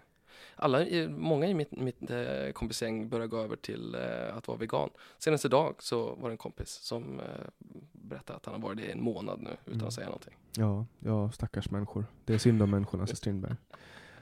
Jag testade eh, och min läkare sa åt mig, jag gick till vårdcentralen, så sa han, jag hade problem med magen, så han, vad det än du äter så måste du sluta. Du måste upphöra och börja med någonting annat. Vad har, vad har du för kostvanor? Och så sa jag, nej men jag är vegan. Eh, och jag är keto. Och han bara, "Ja, men då måste du sluta med det. Så du måste introducera kött igen för att det här funkar inte. Det var no, no. Jag testade att vara fruktarian i tre, i tre veckor. Hur gick det? Man blir otroligt pissnödig av att, äta frukt för det är mycket vatten i frukt. Um, till exempel en melon får man ju käka då ifall man ska få i sig rätt med proteiner ifall man tränar samtidigt. Och det går ju, men man blir ju då. Och speciellt då ifall man, precis som du, alltså jag bor på Värmdö, så ska man ta sig in till stan på jobbet så då får man hoppa av bussen någonstans um, för att kissa helt enkelt. Men eh, efter tre veckor så läste jag på lite grann mer om det där och insåg att um, Ashton Kutcher eh, som då spelade Steve Jobs, som också var fruktarian. Eh, han fick åka in till sjukhus, alltså han spelade i, i spelfilmen om Steve. Jobs, så var Ashton Kutcher honom. Han fick åka in till sjukhus efter tre veckor för att han helt, hans värden var fucked up. Eh, så jag la ner det efter tre veckor. Det var ungefär så länge som jag tänkt att köra också. Eh, men det jag insåg, det var ju att jag aldrig mer kommer att äta flygplansmat. Alltså sitta där med den här ovärdiga brickan och sitta kanske med ett barn, jag har två barn, barn i knät och så vidare. Du kan äta sju bananer liksom, det är inga problem. Det är ju det här vi är helt invävda i, eller invävda, eh, indoktrinerade i vad vi ska äta och när. Mm. Eh, rucka på det där lite grann, det är helt okej. Och jag kör ju fasta nu, 18 timmar fasta och, Mm. och 6 timmars ätfönster. Just det. Och på helgerna kör jag OMAD, one meal a day. OMAD, vad är det för någonting? Så här? One meal a day. One meal a Ja. day. Så jag åkte in till Ica Maxi, del i disken i Gustavsberg, Mm. köpte 400 gram entrecote, lokal eh, gräsbetat. Och det var så jävla gott. Och sen Mm. åt jag det och 100 gram smör. Ah, Okej. 100 gram smör. Ja, men jag körde dubbla pass på gymmet också så jag behövde Just lite det. extra. Och Lite extra. det med 100 gram med smör, hur, du sm- smälter det och lägger det på köttet eller vad? Ja, jag bara lägger det på köttet och äter det. Okej. Så det Ja, det är väl med kryddor och grejer på. ja, lite vitlökspulver, Mm. salt och peppar. Just det. Man blir ju mer lik du och jag än vad man kanske hade trott innan. Mm. Eller? Ja, alltså galna experiment. Jag har ingenting emot galna experiment. Jag kör ju också eh, 5 am club. Så Mm. kvart över fem varje morgon stiger jag upp på Ja. vardagarna. På helgerna sover jag ut lite. Mm. Ehm, och det, det gör ju att jag kan göra saker. Jag får tre timmar på morgonen Mm. där jag kan göra saker som inte går att göra annars. Alltså Mm. för nu när jag går i skola så kommer jag, ha brus eh, i huvudet från allt som har hänt. Så man håller liksom på tänker på saker som har hänt under dagen och tänker på vad som ska hända imorgon. Men på morgonen så är allting tyst. Och då kan jag sätta mig ner och så kan jag skicka alla verifikat till bokföraren, betala räkningar, eh, pilla på någon hemsida. Alltså saker som, som man inte kan göra på kvällen för att man håller på med någonting annat. Exakt. Man vinner ju redan då. Alltså ifall du är uppe där de här första timmarna så Mm. har du redan vunnit över motståndare. Det är väl så de säger. Ja, man kommer inte för sent. Eh, man, man är liksom fräsch i tankarna.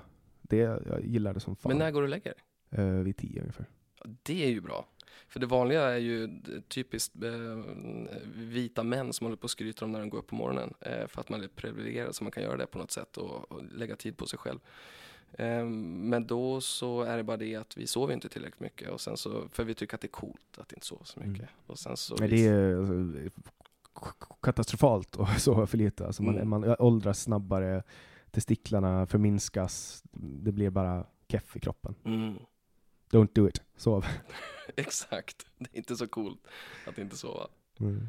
Hur, eh, hur är det liksom att uh, umgås med dig? Du sitter, det känns som att du lär dig mycket av de här samtalen. Att du sitter inne på, eh, det är lite grann som ett uppslagsverk på sätt och vis. Tycker du? Jag tycker det. Kul. Eh, nej men alltså man lär sig, jag, jag, jag älskar ju människor. Jag, jag klarar inte av att, att inte vara runt människor förutsatt att jag inte är deprimerad. Men då sitter jag ändå med människor, då sitter jag och spelar World of Warcraft och umgås med folk på nätet.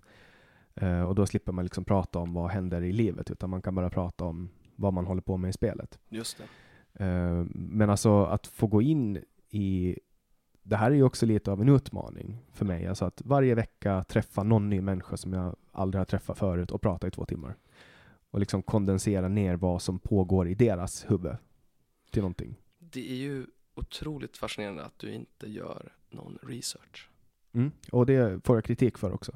Folk är så här, ja men du är bara lat, du gör inte research. Men varför ska jag göra research? Då, då ställer jag in mig på, jag är ju före detta journalist liksom. Då kommer jag börja göra upp en, en eh, bullet list i huvudet med frågor och så kommer jag försöka liksom hitta någon vinkel och försöka hitta något smaskigt att ta fram och liksom någonting att lyfta med. Alltså, det, det bara förstör dynamiken i samtalet. Det är mycket bättre om, alltså jag har liksom, nu, nu har skärmen slocknat, jag har ingen, inga papper framför mig, Mm. utan vi, det går dit det går. Mm. Det är Och- liksom nästan en diskolampa här inne som blir röd, gul och grön. Och, Ja. eh, Det hade de när jag låg inne på sluten avdelning på psykiatrin. Mm. Så hade de i taket, de kallar det för moodlight. jag hörde att jag bara sa så här, mm, när du, när du låg inne och jag bara, mm, Ja. inte hört, så jag inte, visste inte det. Ja, det Och- visste inte. Och jag bara säger, mm. Ja. Det är jättekonstigt beteende av mig. Ja, så står det, nej men det är så naturligt för mig att prata om sådana här saker. Men då var det så här, ett långt lysrör med LED-lampor, så kunde man på väggen så här, trycka och så kunde man få igång olika eh, ljus. Och jag tänker att om det finns inne på en sluten psykiatrisk avdelning på ett mentalsjukhus, då finns det antagligen någon form av evidens för att det kan vara tre, alltså att det är bra på något Mm. sätt. Så jag brukar ändra, eh, ändra, efter humör så kan jag ändra, här är fjärrkontrollen. Alltså vilken färg det är. Ja, och nu, nu, hade, nu hade den fått gå lite. Eh, och här är en blå till exempel. Mm. Men den blå som jag tycker om, det är den här. ja, den är verkligen. lite bättre. Ja, det kan jag tycka om. Och sen finns det ju röd också. Just det. Kommer du lägga ut bilder på ditt Instagramflöde om det här eller? Kanske, om du, om du, om du insisterar så kan det hända. Men du, får jag fråga en sak? Absolut. Alltså just gällande, eh, vi är tillbaka i det här rummet du pratar om när du då är inlagd. Mm. Eh, och du kan välja färger. Kan det också vara helt svart? Eh, jag kan stänga av alla lampor. Finns det Släck. fönster? Eh, ja, men jag hade persiennerna föredragna. Fanns det, var det ljud där inne? I det här rummet? Mm, det var rätt, det var inga, inga, det var nybyggt så det är liksom Ja. inga fläktljud och så. För jag, eh, mitt nä, nästa experiment som jag ska göra det är att gå in i ett rum och vara där i tre dygn. Ehm, och att jag inte ska då kommunicera med någon eh, eftersom ingen annan kommer vara där. Och det ska inte vara några fönster, det ska vara helt svart i det här rummet. Ehm, och alltså, vad händer med mig då? Hur lång tid eh, tror jag att jag kommer vara där inne? Vad eh, kommer jag säga till mig själv? Ehm, när kommer jag sova? Eh, kommer jag liksom byta eh, dygnsrytm och så vidare? Jag är väldigt nyfiken på det. Jag tror de bara sover hela tiden. Att man sover hela tiden. Ja, så blev det för mig under corona i alla fall. Alltså först, jag var ju i Stockholm när, när själva isoleringen kom. Mm. Och då, då var jag 18 dagar i helt obruten, alltså att jag gick inte ut alls och träffade folk. Mm. Och då sov jag bara. Då kan jag sova 16-17 timmar om dagen. Just det. Men jag, eh, ja just det, jag förstår. Okej, jag men tror nog att man bara sover. jag hoppas ju att jag kommer liksom öppna några nya dörrar. Ungefär när man, som när man pratar om psykedeliska droger. Att det ska vara en, eh, någon liknande upplevelse. Om du, Jag sätter, om du sätter dig ner och mediterar, Mm. kör någon så här vipassana meditation, Mm. typ så. Du kommer inte ha med dig någon telefon och så. va? Nej, nej, nej. Nej men då, då kommer man nog, det blir nog ganska jobbigt tror jag. Alltså att Mm. du, du kommer att komma mycket tankar när du är helt ensam. Mm. ehm, och inte har någonting att göra. Säkert gå igenom psykisk terror och kanske få lite panik och Mm. kanske känna extas, Mm. komma upp massa känslor. Mm. Ja, vi får se. Jag, det ska göras. Mm. Det är inget mer med det. Så om det är någon som känner till något rum att, att låsa Exakt. in dig i så, så är det bara att hojta till. Men då tar jag gärna, jag vet att i Japan, alltid i Japan, så finns ju det här att man kan betala för det. Um, sådana institutioner. Men ehm, nej, det är så är det. Jag skulle behöva ha ett rum faktiskt för det här. Mm. Och så måste det vara ljudisolerat antar jag. Det måste ju det. Det, det ska ju vara liksom helt tyst. Och 18 grader. 18 grader ska det vara. Mm. Så kanske det är. Ja, 18 grader, då sover man bäst. Ah, okej. Just det. Det är optimala sovtemperaturen för, Mm. för de flesta människor. Mm, okej. Och efter det så ska jag bli ninja. Det kommer jag ta ett tag. Jag vet, det tar lång tid. Jag har gjort en lista på 20 saker som behöver uppnås och så vidare. Men eh, det är långt. Jag vet, det är ett längre experiment. Synd att den här killen som håller på med skägget i Kill Bill blev mördad. Annars skulle du kunna åka till honom och bära vatten på upp och ner. ja, exakt. Faktiskt. Få en ninjautbildning med honom. Ja. Men vadå, bli ninja, alltså det, då måste ju utbilda dig. Ja, så här. Um, ninjor är ju lönnmördare. Ska man ju komma ihåg. Det är ju, deras eh, främsta är ju dels eh, såklart kampsport, men sen så också möj, alltså förmågan att inte synas. Eh, så här gäller det nog att smyga ganska mycket. Jag bor i ett radhusområde. Eh, och eh, tanken är att gå ut på nätterna där och smyga i skogen och se hur ljudlös jag kan bli. Och kan jag somna eh, var som helst, när som helst med eh, ett par jeans på magen och jeansen ligger kvar på magen när jag vaknar. Det är frågan.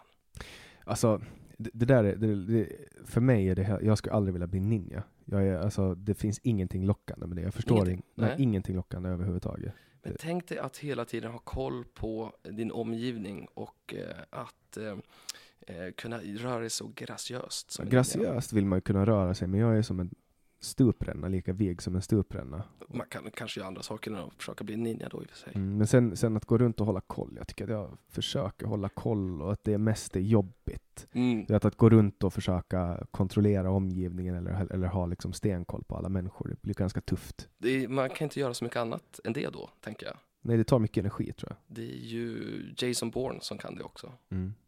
Och Hela han, tiden veta vad vägen ut är. ja, och det stör mig ganska mycket när man kollar på de filmerna, för den tekniken de har tillgång till finns ju inte. Nej. Och då är det så här, de kan, man kan inte sitta i en kommandocentral och följa in i minsta detalj i sättet som de gör. Det, jag stör mig på det. det. Det är det jag tänker på när jag kollar på actionfilmer. Därför Mm. kollar jag inte på film. De, de filmerna jag kollar på är Quentin Tarantino. Just det. Jag fick faktiskt den frågan igår, i vilken som är min favoritregissör. Problemet med alla de där frågorna, det är att jag alltid svarar någonting som jag hade svarat för 20 år sedan.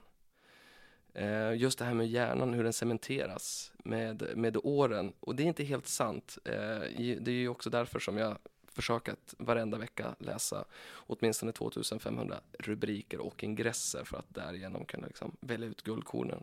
Det man verkligen som gör att man eh, utvecklas och att man kan hjälpa till att göra världen lite bättre. Problemet är ju att det här med idolis idoliseringen, den eh, på något sätt har ju fastnat. Eh, det, det, det är Men du samma svarar idé, Quentin eller? oftast. Mm. Ehm, Larry Clark, men sen så kom jag på att det är helt politiskt inkorrekt. In, han gjorde ju Kids till exempel, han gjorde många sådana skate teenagefilmer från New York. Och det, det, men han, det, det, det är de två, absolut. Mm. Jag brukar fastna. Ja, eh, man kan ju svara Stanley Kubrick också. Det är ganska lätt att svara det också, det Mm. är sant. För han, han är ju inte heller fy skam. Men, men film, film för mig är ingenting. Jag är mer en bokmänniska. Det leder mig till nästa galna grej som jag testade 2017. Jag läste att Bill Gates läser 50 böcker per år. Mm, och det sen läste jag också en teori om att man ska eh, ta sitt mål och så ska man fördubbla det. För att man har en tendens att alltid, aldrig riktigt nå hela vägen. Just det. Så jag dubblade till 100 böcker. Och så gav jag mig på att läsa 100 böcker på ett år. Och den 28 januari 2017 läste jag min 101 bok. Va? Så det blev 102 eller 103 böcker det året. Och det har jag fortsatt med sedan dess. Så jag har läst 300, bö- ja, två- 300 böcker de senaste tre åren. Över 300 böcker. Jag vet inte, så du spelar in eh, podd ungefär tre timmar per vecka. Du, jag förstår att du inte gör någon research. Eh, Jag lägger ner kanske 20 timmar på podden. Ja, för du måste ju också, den här klipper du i och för sig inte alls. Eh, Jag går igenom allting och tar bort eh, Ah, okej. bisatser och tar brus, reducerar och tar bort, eh, alltså när, när, när jag pratar så tar jag bort ditt spår. Så att det är en del. Just det. Ja, Det och det kan vi ju säga till lyssnarna att de ska vara tacksamma för du är ju, märkte jag när vi började spela in det här, jag har själv hållit på med två poddar lite tidigare, men du är ju en ljudnörd. Härligt att höra. Och det är, men det är ju för att det är, det är lyssnarna som måste, alltså man ska, ska man vara inne i någons huvud i två timmar, då måste det vara bekvämt. Så är det. Okej, 300 böcker på, eh, Tre år. det är ju sjukt. Eh, Har du hört talas om eh, appen Blinkist? Ja, det, ja, men jag gillar inte att de kondenserar bort eh, eh, författarens eh, språk. Språk, nej exakt, för de summerar ju böcker på, Mm. ja, tar ner det så att du egentligen kan läsa en bok på 10 minuter, eller mm, inte ens det kanske, 5 Mm. minuter. Ja men okej, du tar bort rösten där ja. Eh, jag förstår, och då är det bara fackböcker ska vi säga också med, Ja. med Blinkist. Och ja, det är bara facklitteratur jag Mm. läser. Det händer att jag kan ja, du läsa. gör det också? Det Ja. ah, okej. det, det händer att jag kan ta mig igenom eh, någon roman, alltså Ayn Rand. Jag läser om Atlas Shrugged och um, uh, Urkällan då, Fountainhead varje år. Uh, och, och 1984 läser jag varje år. Och um, någon Dostojevskij, alltså du vet sådana Mm. filosofiska verk så, så kan vara skrivna i romanform. Uh, men utöver det så är det bara facklitteratur. Men jag har, jag har flera böcker som jag läser en gång per år. Bara för att liksom det det är samma med kommunistiska manifester, den läser jag också en gång per år. Men har du lärt dig då att läsa väldigt snabbt? Det finns ju sådana tekniker, antar jag. Ja. Eller jag, jag vet ju att det Jag finns läser, jag läser mycket snabbt. det. Mm. Och sen eh, Läser du eh, digitalt eller eh, både och. både och? Eh, hemligheten är också att man alltid, jag har alltid minst två fysiska böcker, böcker igång, eller då en e-bok, och sen lyssnar jag på ljudböcker. Mm. Så man, man, det, det, man behöver liksom ehm, hålla det igång. Sen hålla alla poddar också, men poddarna prioriterar jag bort för böckerna. Mm, just det, okej. Och, och själva lästekniken bara, är det, du, du tar bort eh, de här fem centimeterna på sidan och läser i mitten, eller? Ungefär så. Ja. Och sen liksom man ögnar rakt ner. Man, det, man, Mm. man lär sig, det finns tekniker Mm, hur man läser snabbt som man kan använda. Så det finns lite olika tekniker. Det. man, man får bredare och bredare, man läser fler och fler ord samtidigt. Och sen, sen handlar mycket också om att selektera vad är viktigt och vad är liksom bokfyllnad. Just det. Eh, Och då ställer jag den här ob- obekväma frågan, eh, varför gör du det? Eh, nej men, eh, jag läste en artikel, eller om det var i någon självhjälpsbok om just Bill Gates. Om, om att man, Mm, de här femte böckerna Ja. som han läste. Att det, handlar om, det handlar om att liksom hela tiden försöka expandera sitt sinne eh, och ta in nya idéer, att Mm. man inte blir inskränkt. Just det. Och, och sen satt jag där på nivån 100 och jag tyckte att jag tycker att jag mår ganska bra av det. För att, att jag, när jag går runt själv med mina egna tankar i huvudet så det blir inte alltid superbra. Men när jag tar in andras idéer så, så, så är det bättre. Det är liksom som att ständigt ha att det bara flyter färskt, färska tankar in i Mm. mitt huvud. Mm. Sen börjar man ju märka att allting är liksom, alltså när, när, när man har läst så många böcker som jag har gjort, då kommer det, till sist så märker man tendenser. Det är svårt att förklara, men det finns liksom tendenser, saker återuppspelar sig, speciellt när man läser ja, det, historiska biografier är också en, en inkluderad då i facklitteratur. Eh, och det, slå, det är slående att läsa his, histo, historiska biografier för att man läser liksom om saker som händer nu, exakt just nu, fast som också hände för 300 år sedan. Ja, det spelar ingen roll om man läser om Mm. Alexander den store eller om, om uh, Emanuel Swedenborg. Allt går i cykler. ja, det är Mm. skithäftigt. Mm. Men det är sant, och, och ifall jag sitter med mina 2500 rubriker hela tiden och ingresser och, och läser, så det är klart att det, det, det blir ju eh, det blir ju mycket. Men eh, det jag tycker är intressant med de här, alltså det du säger med att okej, okay, ifall målet är sjukt, alltså 50 per år och sen säger du när jag dubblar det. Det där är väldigt roligt. Jag hade någon sån här övning för att jag skulle försöka bli den här kreativa snubben i rummet. Det är, det är kul att vara den personen ju. Tänk att man alltid kunde vara den som alltid är den som kommer på den roligaste idén först. Eh, och så finns det ju tekniker för det och en teknik för det är att man börjar dagen med att göra en lista. Eh, och det kan vara vad som, vad som helst. Det kan vara eh, tio saker som jag älskar att göra som, som barn. Eh, och som eh, ska vara kul att göra idag som vuxen. Till exempel byta ho- hockeykort. Eh, det hade varit konstigt för jag gjorde det med grannarna såklart men jag, tyck, jag hade fortfarande tyckt att det var lite kul. Eller ha pusskrig. Pusskrig. Pusskrig. Otroligt bra. Nu är det det enda man vill ha hela tiden. Ja. Pusskrig. Ja. Ehm, och ifall man inte kommer på 10 stycken sådana här, eh, ja men då måste man komma på 20. Dubbla, då kommer det vara lätt att komma upp till 10 helt Mm. plötsligt. Så att ehm, det är bra, bra knep. Mm. Det är samma när man ska göra sit-ups på gymmet. Så här, då Ja, säger jag till det. mig själv, nu ska jag börja göra 20 stycken. Mm. Och så räknar jag ner från, från 20. eh, och sen när jag kommer till 10 så är jag klar. Mm. typ så. Men känner du att eh, de här 100 böckerna, det är otroligt imponerande. Ehm, hur, nu, och så träffar du människor via podden här. Nu Mm. ska du börja plugga idrott, då kommer du träffa väldigt mycket människor. Ja, jag har gjort det nu de senaste två veckorna. Här, bara bada i nya sociala kontakter. Mm. Trivs som fisken i vattnet. Ja, det är så? Ja. Vad är din styr- styrka där? Varför är du intressant, skulle du säga? Vad är din peacock-grej? Alltså här så, jag är typ den enda med glasögon. ja, de, är, de andra är redan eh, rippade liksom. Eh, ja, dels så är det väldigt, väldigt bra form på de flesta, men, eh, men sen eh, är det min dialekt. Just det. Det är dialekten som sticker ut. Mm. Och att jag har världens sötaste hund, Luna. Eh, nu, nu är hon hos en granne, men Mm. hon, hon, eh, hon är den, när jag träffar folk som, inte har, liksom, som jag inte har pratat med, så ja ah, det är du med hunden, säger de. Mm, just det. Ska vi, vilken, ska vi leka en lek? Absolut, Det här är min favoritlek. vi kör. Det är ifall, man, eh, ifall du och jag skulle se varandra på tunnelbanan. Och så får vi bara beskriva eh, varandra med ett ord. Och man måste inte vara snäll. Man får vara snäll. Men Mm. eh, vad är det för någonting, vad är min fördom om dig? MTV, sent 90-tal. Wow. Mm. Det Den var det bra. som kom fram när du steg ut ur Volvon. Så var Ja. det det som... Den, den är väldigt bra.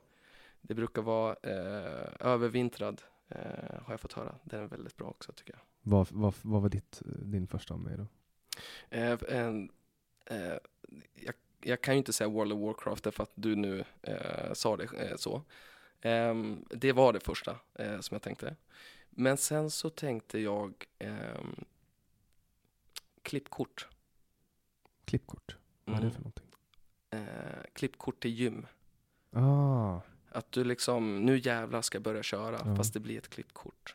ja. För jag tror inte riktigt på det. Ja, här, ja. Det stämmer, ja, det, det stämmer inte riktigt. För jag, jag har tendensen att jag köper, jag sätter på autogiro och sen sitter jag där med autogirot som tickar. Men en sak som inte stämmer heller det är att du har mycket starkare karaktär än vad jag visste innan vi sågs. Så den transmittas inte i podden när du har lyssnat. Nej men grejen är att jag har, inte, jag har ju lyssnat väldigt mycket på starten och på Mm. slutet och på, och på många. Så att jag får ju inte en helhet av dig. Och jag lyssnade de första tio minuterna på eh, ditt eh, sommarprat. Och jag lyssnade tre, fyra minuter på snacket med din kollega Mm. i den andra podden. För jag var ute efter, eh, för jag är en research-nörd. Och jag var ute efter vilken ton har du när du pratar. Mm. Och den förändras ju med tiden, så att du, när, du, när du hör ditt första hela samtal så Ja. kommer du att märka hur dynamiken förändras.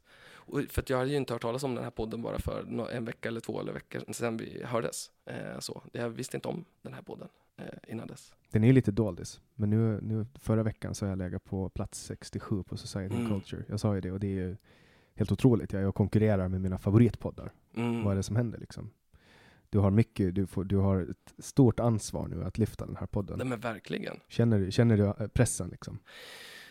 Eh, Jag, jag känner pressen absolut. Ehm, men jag förstår vad du menar med att ehm, eh, alltså jag förstår den här bekräftelsegrejen eh, som du är ute efter. Jag förstår hur glad du måste vara nu när det blev som det blev med Alexander Bard. Och det jag undrar nu, det är hur vi ska göra så att det inte blir pannkaka av det här. Alltså hur ska vi göra för att du kan behålla den här nivån? Eh, dels så kan vi ju ta det här samtalet till att eh, göra nyhetsrubriker utav det. Alltså, finns det någonting som, som vi kan avslöja här?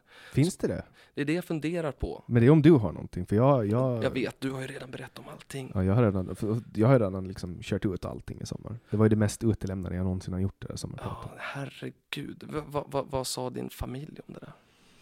Ehm, alltså, de är ju så de är ju så inkörda, de vet ju liksom att jag håller på och pratar så här öppet och de har ju sett allting first hand och mamma har ju liksom behövt eh, besöka mig på psyke och så, och syrran också, mina syskon. Och, men eh, pappa var otroligt stolt och farmor var otroligt stolt och mamma, och de var ju stolta såklart. Mm. Ja, de visste ju såklart, de visste ju allt, eller? Var det saker som de inte Mm. visste? Nej, de visste nog allt. Ja, k- jag tror inte, den här första scenen i köket så, fan jo, det vet mamma städade upp efter den så, Mm, mm. så hon, eh, hon var nog med. Jo, jag tror mamma visste nog allt. Det är ju en scen så att det det är okej ändå att kanske att de inte visste exakt Mm. hur du låg där på golvet. Nej, men mamma, mamma fick eh, städa upp. Efter Mm. det där så, ja, det var mm, hon som städade när Mm. jag var bakfull. Men okej, men, men drömgäster framåt då? Ja, det är Carl Bildt. Det är Carl Ja, Bildt. det har jag, sa- det sa jag blev intervjuad i en tidning förra veckan. Och då fick jag samma fråga Mm. och då svarade jag Carl Bildt. Det var min första drömgäst. Eh, Redan när jag tänkte starta 2016 så var drömgästen Carl Bildt. Och, och det är just för att han är mästaren av munhuggarna. Mm. Och honom vill jag ha. Liksom. Jag har försökt dra i honom via kontakter, men, men eh, jag får samma svar att nej, Carl Bildt, det, det, du kommer ha svårt att få ut två timmar ur hans schema. Mm. Men skam till den som ger sig. Jag, jag tycker att du ska testa det på eh, Thomas Mattsson. Mm. Thomas Mattsson är ju otroligt snabb i käften alltså. Mm, jag har varit på ett seminarium där han eh, pratade lite om, om Expressens eh, dåvarande eh, native-satsningar, tror jag det var han om då. Ja, ja, ja, ja. Det, det är lustigt. Det var ju det jag gjorde innan. Mm. Jag har ju också jobbat med, med native. Jag har ju också kört native. Så Ja, okej. man återanvänder journalister och... Kasta in dem i den. Mm. Nej men eh, han, för han har ju då slutat som chefredaktör på Expressen eh, sen ett år tillbaka. Eller vad det nu är för någonting. Vad gör han nu då? Langar vapen eller? Han jobbar kvar på Bonnier. Han gör det? Okej. Eh, och nej men som sagt, han är en otrolig eh, historieberättare. Frågan är om han eh, tackar ja till den här podden. Ja, men han gör många poddar nu, så att jag tror att han är väldigt sugen på Mm. att, eh, att få ut sin röst. Eh, så. Och den är ver- verkligen värd att lyssna på. Ja, det skulle, det skulle vara jättekul för att jag har fått, jag har haft lite kontakt med eh, folk inom svensk eh, kvällstidningspress. Mm.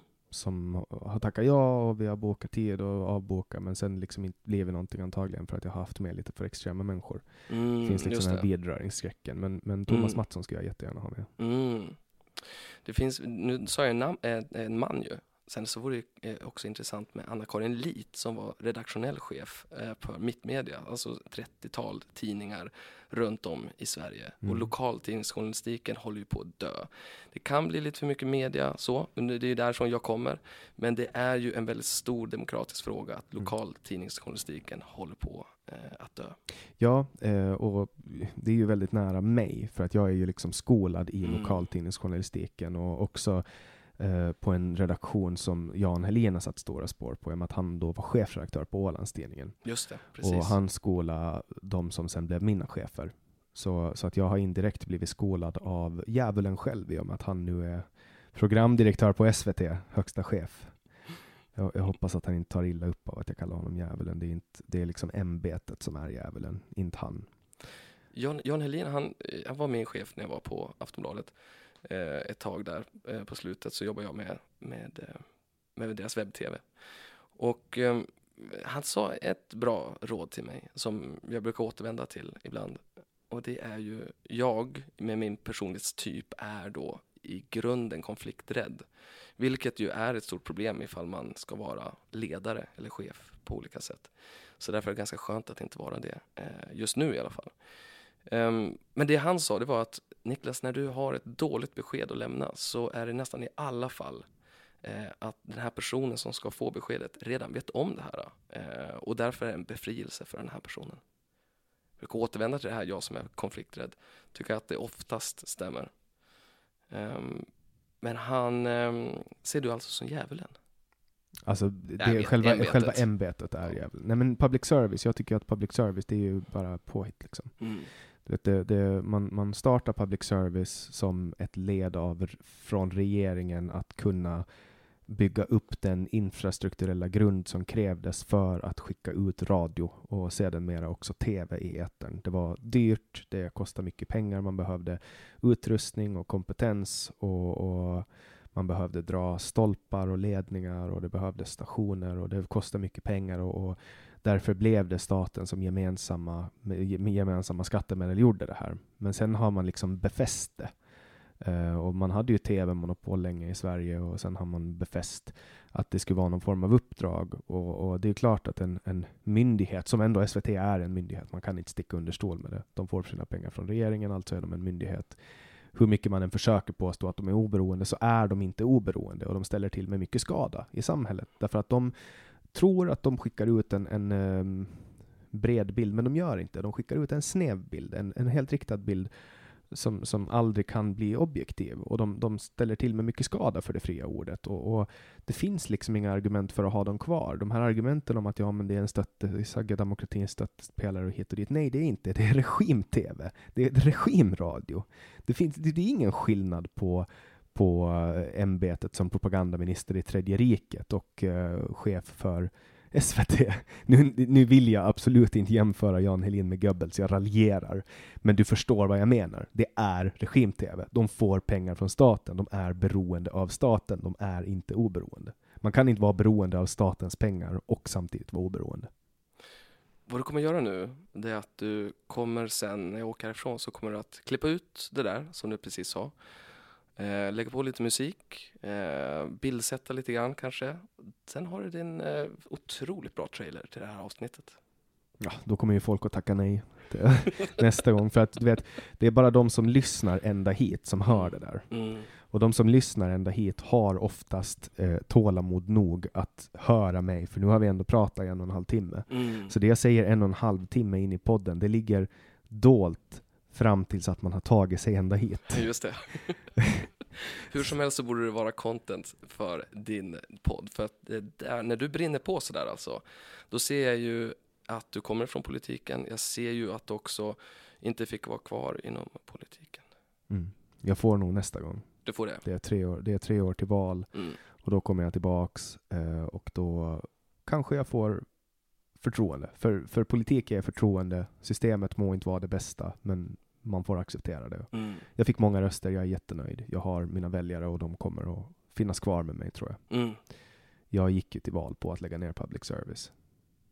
Vad är din vision med livet? Att lämna jorden lite bättre än när jag kom hit.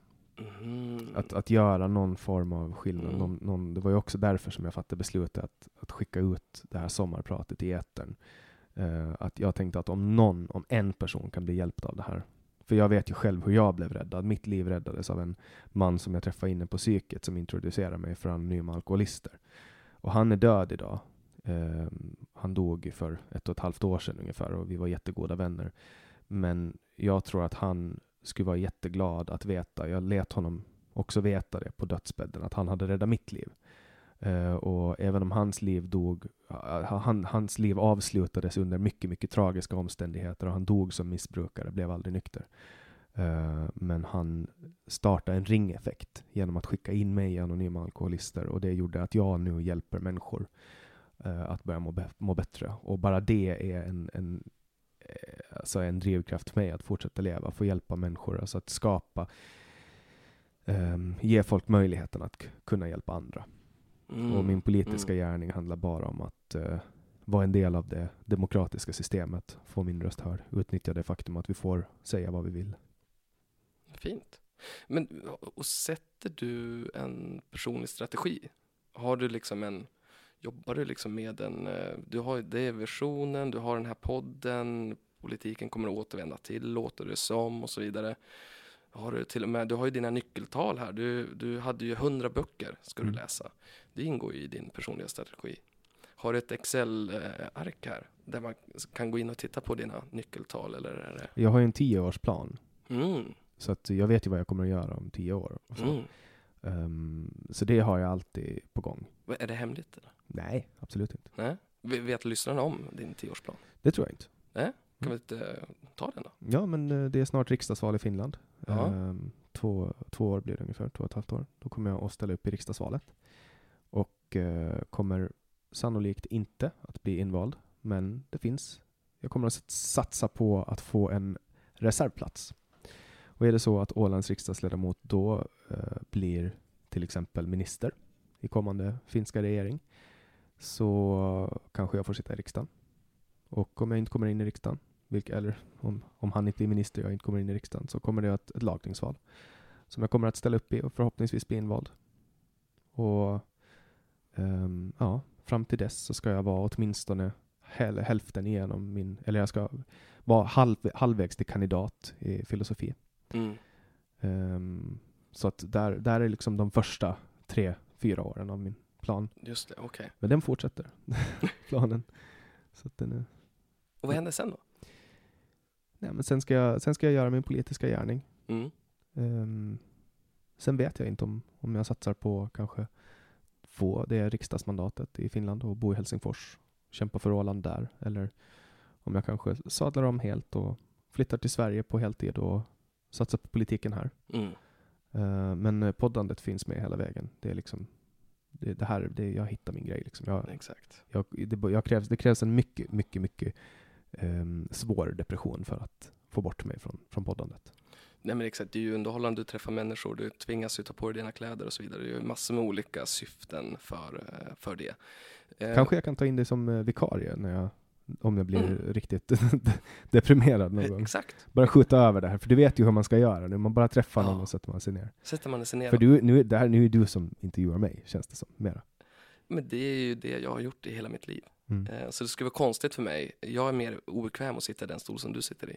Mm. Eh, och det var väl någonstans, även ifall jag inte hade full koll på hur det här upplägget var, utan jag tror nog att det var mer fokus på att hitta personer som eh, sticker ut eh, Mm. och har lite obekväma åsikter kanske. Mm. Eh, Jag bara råkar sig nu med Dan Park, alltså att han, Exakt. han börjar elda den där koranen. Och det var därför det var lite spännande att komma hit, för jag tänkte, vad fan ska du ha- hit med? Vad, vad är det, kommer du gå in på att jag jobbar för gammelmedia, har gjort det? Alltså du vet, jag var ute efter att du sk- ska hitta konflikter. Ja, eller en vinkel typ. Mm, exakt. Vinklar. Ja, Jag Nej, men det försöker, var intressant. försöker inte vinkla, men det är alltid kul när folk avslöjar saker som de inte har liksom pratat om förut. Mm. Har du pratat mycket om ditt, din kommande satsning, No Mo FOMO? Alltså jag har inte berättat om den öppet, för den ligger bara som en eh, den ligger som en liten tid. Jag berättade om att ifall man vill boka eller mig som, som poddare på de här 30, eh, 30 dagarna så hade jag min mailadress och så var det niklas.nomofoma.se längst ner i den här långa texten. Och bara genom att lägga det som är min mailadress så märkte jag att folk var inne på sajten. De Mm. hittade in till nomofom.se. Folk började signa upp på nyhetsbrevet. Eh, människor som jag inte kände. Professorer på eh, olika universitet och så vidare. Det var eh, intressant. I och med att det till stor del handlar om omvärldsbevakning, vart världen är på väg. Mm. Eh, så nej, jag har inte slagit på någon stortrumma, utan, eh, eller så, utan eh, det här är väl första gången som jag berättar om det så. Men när du föreläser om framtiden, vad tar du för vinkel då? Min vinkel på eh, är att året är 2049. Ehm, och sen så försöker jag ta oss igenom en dag eh, 2049. Och jag berättar om vikten av att vara empatisk och kreativ. För vad som händer är att robotarna kommer. Robotarna håller på att ta över, de tar våra jobb eh, och de blir smartare än oss. Eh, hur ska vi överleva i den här världen egentligen? Med algoritmerna, med automatiseringen. Eh, och vad man ser, eller vad inte jag ser, utan egentligen vad, vad forskning säger, det är att vad vi behöver bli bättre på för att kunna överleva, det är att vara kreativa och empatiska. Mm. Det varit väldigt mycket fokus på att kunna alla eh, floder i Europa till exempel i skolan. Ehm, det är ju över sedan länge, eller måste vara över sedan länge, för det kan ju roboten så att säga. Och just det här oempatiska som vi har vuxit upp med, de här generationerna innan oss som kanske inte är fullt så empatiska som man skulle kunna vara. Så det är det jag gör också, ge nycklar till hur man kan bli mer empatisk och eh, kreativ. Mm. Hur, hur vet man vad, hur en dag kan se ut 2049? Då? Ja, och det är ju det som, så här, självklart så går det inte att säga det. Men däremot, om man tittar på vad de här Mad Mensen, alltså de här reklamnissarna på Manhattan på 50-60-talet, de kunde redan då genom sina, eh, sin reklam, kunde de förutsäga vad som skulle hända eh, i framtiden. De elektriska bilarna, det visste man redan om på 60-talet. Man visste om att eh, Steve Jobs skulle ta fram Facetime. Ehm, och och eh, den här typen av, av reklamen har ju kunnat förutsäga och jag säger inte att det är just de eller genom reklamen som man har kunnat berättat om framtiden. Eh, så nej, det går ju inte. Men det går ju att spekulera kring Mm. forskningen. Alltså jag har ju redan blivit lite av en cyborg. Det första Mm. jag gör på morgonen är att koppla upp mig till Apple Corp. Jag sätter på mig min eh, Apple Watch. Sen Mm. stoppar jag mina airpods i öronen. Just det. Sen tar jag upp min telefon och så börjar jag styr, styra innehållet jag stoppar in i öronen. Liksom. Eh, och jag tänker mig att de här delarna kommer ju att vara kanske inopererade i min kropp i framtiden. Mm. Jag kommer inte behöva stoppa in mina airpods därför att jag har redan opererat in två högtalare Mm. i öronen. Mm. Eh, och, Exakt, när, när, när det här avsnittet släpps så har ju ganska, Elon, Elon Musk har ju ganska nyligen gått ut och visat upp sina grisar och svin där han har börjat planterat in Eh, olika saker som helt enkelt gör att man kan bara få in information in i hjärnan direkt. Eh, det ska ju bli spännande att se. Men chippad, det var ju så mycket snack om ett, eh, för något år sedan. Att man kan bli chippad och det enda det egentligen kunde göra var att man kunde säga till hon eller han som jobbar på Sats att eh, kan ni bara knappa in den här koden på mig så behöver inte jag egentligen visa mitt kort utan Mm. dra mitt. Ja, eller SL eller... Jag vet men SL gick inte med på det där. Så Mm, att det, mm, det enda som var det typ Sats. Det var ju väldigt deprimerande. Ja, det där är ju så konstigt. Alltså jag har ju, jag har ju, eh, alltså jag betalar ju med min klocka. Mm, Och just det. Mm, det tycker jag är skönt. den är grym. Kan ha liksom, jag behöver inte ha mitt, jag lämnar liksom min plånbok hemma. Mm, Och i Sverige så är det ganska rimligt att lämna plånboken hemma. För då Just har det. man mindre att bli rånad på liksom. mm, Och, och det tycker jag, jag tycker jag ganska, jag skulle lätt injicera ett sånt chip i tummen liksom. Det, det är ju inte så att det är en GPS-sändare. Alltså en mm. GPS-sändare behöver ju ström hela tiden och om inte jag laddar det så kan ingen, och jag går ändå runt med en GP, två GPS på mig hela tiden, både klockan och telefonen. Mm, Eh, jag tycker bara det är en konstig rädsla att vara rädd för de här chippen. Det är mm. ett NFC-chip liksom, vad, eller RFID, det, var, det är ingen fara. Alltså, vad, vad, ska, vad ska hända? Jag går in på tunnelbanan. Alltså, så. Varför hålla på med ett kort när man kan ha det inopererat? Ja men verkligen.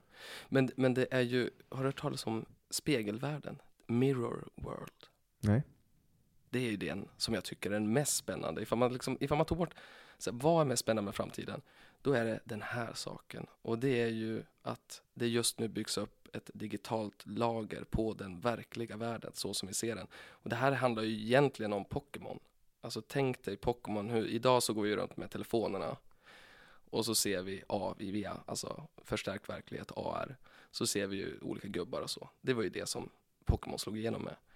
Men det är ju bara ett spel ifall du lägger på alla andra lager. Alltså till exempel att du kan få information om var närmast toalett är. Eller var, eh, att när du möter en person på gatan så får du upp Facebook-profilen så du vet vad personen heter. Och du kan få larm också att grannen är på väg på andra sidan gatan som du inte tycker om, byt sida. Och så vidare. Mm, det var ju Google Glass.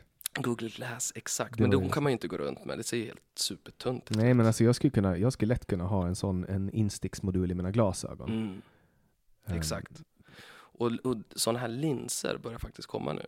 Eh, nu börjar man, liksom, det är där någonstans, du vet, vi andra som inte har glasögon, här, orkar glasögon. Men när linserna nu börjar komma, då kan det vara någonting.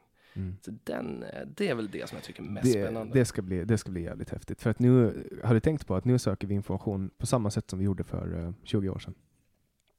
Och Vi för- googlar. Ja, exakt. Med skillnaden att vi, eh, allt, allt fler säger det med munnen. Alltså att vi, Mm. Så det är en skillnad. Ja, men det, som, som när jag till exempel i fredags så var det en klasskompis som eh, smällde ett däck. Eh, och då åkte jag och plockade upp honom och däcket och så ska vi hitta en, en däckverkstad. mm, Och då googlade jag. just det. Ja. Fast jag gjorde det från telefonen i bilen. Men för 20 år sedan så sökte man också information. Vi Alta Vista, ja. Ja, Alta visste. Ja, men, men säg exakt, 15 det är år samma sedan. sak. Ja, men Ja, det är samma men sak. 15 år sedan. Mm, Ehm, och det, det är liksom, man, man googlar. Men, men Mm. tänk den dagen, alltså för det, man kan också fråga Siri så här. Hej Siri, eh, var är närmsta däckverkstad mm, i Gustavsberg? mm, mm. Men då blir hon ändå bara så här.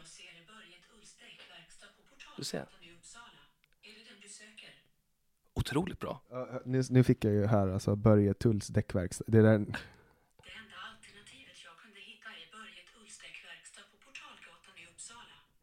ja, det där var ju det där var inte ens med flit. Nej, det var det Eh, inte. Alltså, det var inte ganska roligt. Men det är härligt ju. Men det är faktiskt fler som söker nu i USA på med röst än med eh, och skriver. Ja, men en jag. Jag, nu, nu, nu följer min tes där när jag med, ja, det jag skulle komma till var att ehm, Roboten vann. Eh, Ja, det jag ska komma till var att Siri är inte bra, men jag Mm. fick ju en däckverkstad här. Hon blir, hon blir bara bättre och bättre. Allting bara, det som det är här, vi sa att Google Translate, eh, det, är ju- det kunde man ju skoja om. Att så här, men vi, vi körde via Go- Google Translate, det är ju värdelöst. Den är ju grym nu. Alltså, Ja. det går fort nu. Men eh, vi har funnits i, vadå, 500 generationer. Och du börjar snacka om att för 15 år sedan vi gör samma sak, men du vet, den det här, det är ju det är så en liten del av mänskligheten som vi har varit del utav. Och allting är ju bara liksom i sin linda här nu. Men jag tror att det kommer, de här cyborg-grejerna kommer långsamt. Alltså nu börjar vi Mm. vänja oss med airpods. Jag tänkte på det när jag stod häromdagen på gymmet och tittade på mig själv i spegeln och bara, men vänta nu här. Jag står med ett par små jävla öronsnäckor som blockar allt ljud. De spelar skithög volym. Mm. Den blockar allt ljud och spelar in min musik i öronen. Eh, och, och de är skitsmå och batteritiden, alltså tänk om 30 år. Mm. Jag tror, att, jag tror att vi kommer att, vi opererar in en enhet i örongången som är våra högtalare. Mm. Mm. Just det. Och sen ladda- laddas de på natten på något sätt. Ja men det är orimligt att hålla på som vi gör nu. Med in och ut och de ramlar ur och så Ja, vidare. någon kan ta dem och sådana saker. Ja, så måste du ladda varenda dag och så vidare. Mm. Jag ser fram emot att sitta på, eh, jag är ganska no- nostalgisk av mig. Jag skulle se fram emot att sitta på ålderdomshem eh, och återuppleva mitt liv via ja, de här då, glasögonen. För att allting snart borde börja filmas. Alltså allting jag, när vi då börjar ta på oss de här linserna Mm. eller glasögonen så kommer de att börja dokumentera. Och då vill jag bara hoppa tillbaks till och återuppleva den här dagen jag åkte till London, New York. När vi nu får resa igen i alla fall. Mm. Ja, jag brukar tänka så här, tänk när jag får sitta på, på äldreboendet och spela WoW Classic, Raida och Nixia. Mm. Alltså sådana grejer. Fast Mm. det kommer säkert vara lite bättre spel då Ja, ja, ja. på den tiden än det man spelade 2004. Mm. Ja men så är det också. Jag vill också åka till Japan fast jag är 85 och så kan jag köra det via, via VR. Det är Mm. klart. Ja, min kompis har Oculus och det är fan vad häftigt det är. Mm. Det är så jävla häftigt. Mm. Det, är så, det är så häftigt så att jag tror att ifall man, det är nog väldigt många som ändå fortfarande inte har eh, testat det här. Det är, nog, det är svårt att ens förklara känslan i Mm. det. Man kan ju hyra, om man bor i Sverige kan man hyra VR-headset över helgen. Som för, förr i tiden när man hyrde en videobox. Ah, just det, just det. Så jag rekommenderar att ni gör det Lovely. med full HD. För Ja. att det är faktiskt en, en jävligt häftig upplevelse. Mm. Jag fick ju testa, eh, det finns ett bolag som heter Magic Leap eh, som är liksom Rolls Roycen när det kommer till AR, alltså förstärkt verklighet. Eh, där man tar på sig glasögon och eh, så har de, bygger de olika världar. Eh, så. Nu, nu har det inte gått så bra då för Magic Leap. och, eh, Det, det blev ju supervärderat det här bolaget och sen så eh, har de inte kunnat leverera så pass bra som de har sagt att de skulle kunna göra. Men fortfarande den saken att ta på sig de glasögonen och känner att det finns en äng och man drar med handen framför sig. Så, så, för du ser en äng, eh, fast du är fortfarande i ditt vardagsrum. Eh, och det är Sigur Ros som spelar i, i lurarna. Och sen så känns det som att du tar på den här ängen. Eller du drar upp en dinosaurie som mördar en annan dinos- dinosaurie framför dig. Det är ju bara lekar och sånt vidare. Sen kommer det bli praktiskt och sen kommer det Ja, bli sen, sen kan man så simulera en LSD-tripp och sådana saker. Just det, just det. Då behöver man inte ta den på riktigt. Mm, Mm. det ska ju vara någonting. Mm. Vem är den mest drogliberala person du har tagit med i eh, den här? Jag menar du, Mattias Svensson. Mattias Svensson, Mm. just det. Okej. Och han är ju en av de mest gentlemannamässiga människorna som finns. Mm. Eh, jobbar på DN som kulturskribent. Just det, just det. Så han är, han är då den mest drogliberala jag har haft här. Mm. Alkispodden, där måste vi sätta upp det. Jag, måste, mental note till mig här nu. Eftersom Alkispodden, jag förstår det som att den har vunnit någon så här bäst i Sverige på någonting Mm. och så vidare. Du, Ja, jag tror du skulle kunna göra ett starkt avsnitt. Ja, jag är bekant med både med, både med Johan och Roger. Så att, Ja, det är det. Mm. Johan var ju en sån, nu blir det här supernördigt, eh, men han var ju, vi växte upp i samma lilla samhälle. Okej. Var, var någonstans kommer det ifrån? Jag kommer ifrån Timrå, heter det. Timrå var ju, eh, när jag växte upp, Sveriges tredje fattigaste kommun.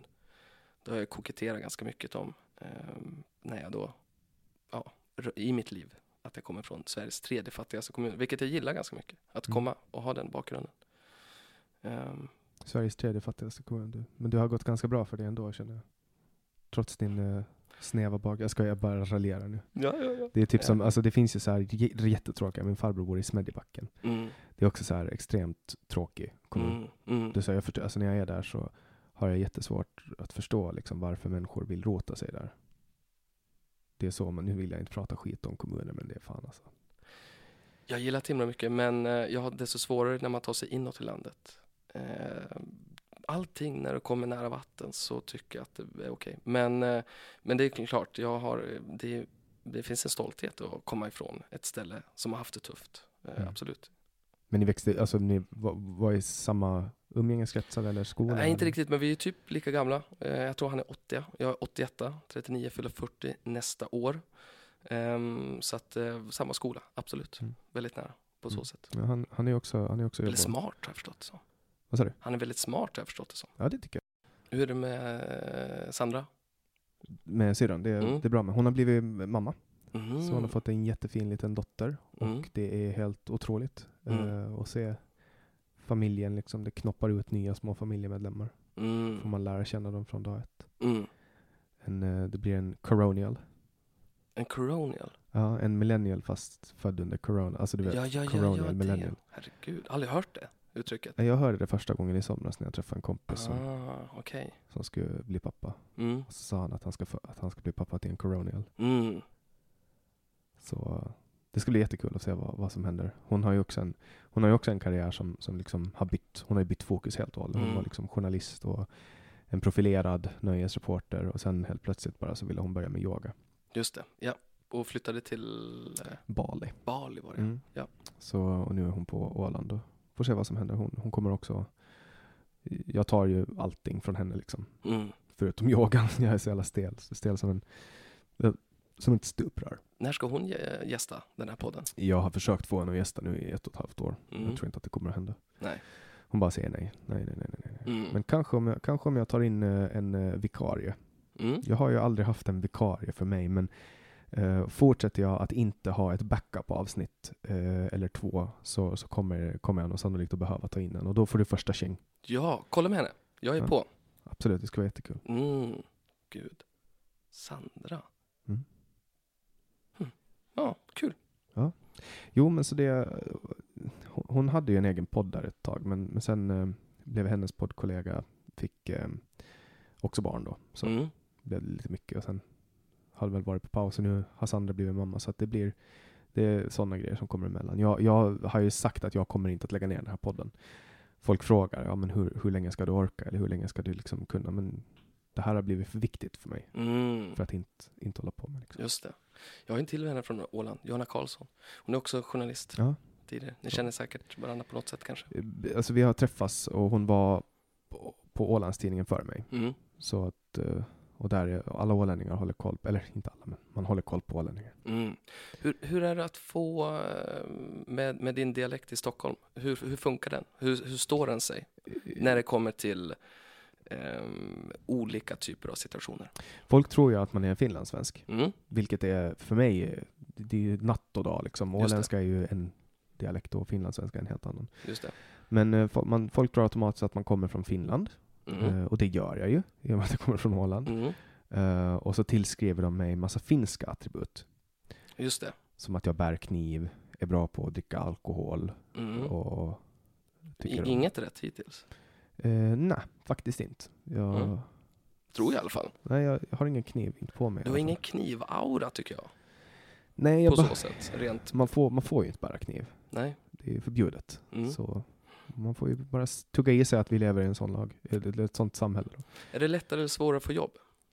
Eh, jag tror att det räcker med att googla mig så vill de inte ha mig. Faktiskt. Vi måste lägga ner Google. Ja, din skull. lägg, lägg ner Google. Vi Ja, gör det är sant, Mor- dina första träffar de är problematiska. Ja, och Mor- Morgan Johansson skulle säkert hålla med dig där. Jo, men det är lite jobbigt att de googlar mig och så kommer det massa Mm. Det finns en lista med alla misstag jag har gjort och det finns liksom Ålands Radio. Det är, det är lite trå- tråkigt, men Mm. man får leva med det. Men du har en Wikipedia-sajt i alla fall. Ja, och det är inte till min fördel. Inte det heller. För att det gör att eh, folk... Eh, jag tror att det har gjort att, att det har gjort det lättare för folk att tacka ja. Mm.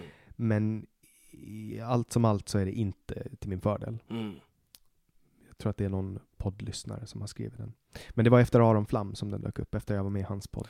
Ah, fattar. Okej. Då, då han har eh, en mycket stark fanbase. Och jag tror att det är efter det. det för det var efter det. Det var efter jag blev invald. Det var när jag blev offentlig person som den dök upp. Nå- Mm. Någonstans där. Ehm, för att när man är politiker så råder det ingen tvekan om att man är offentlig längre.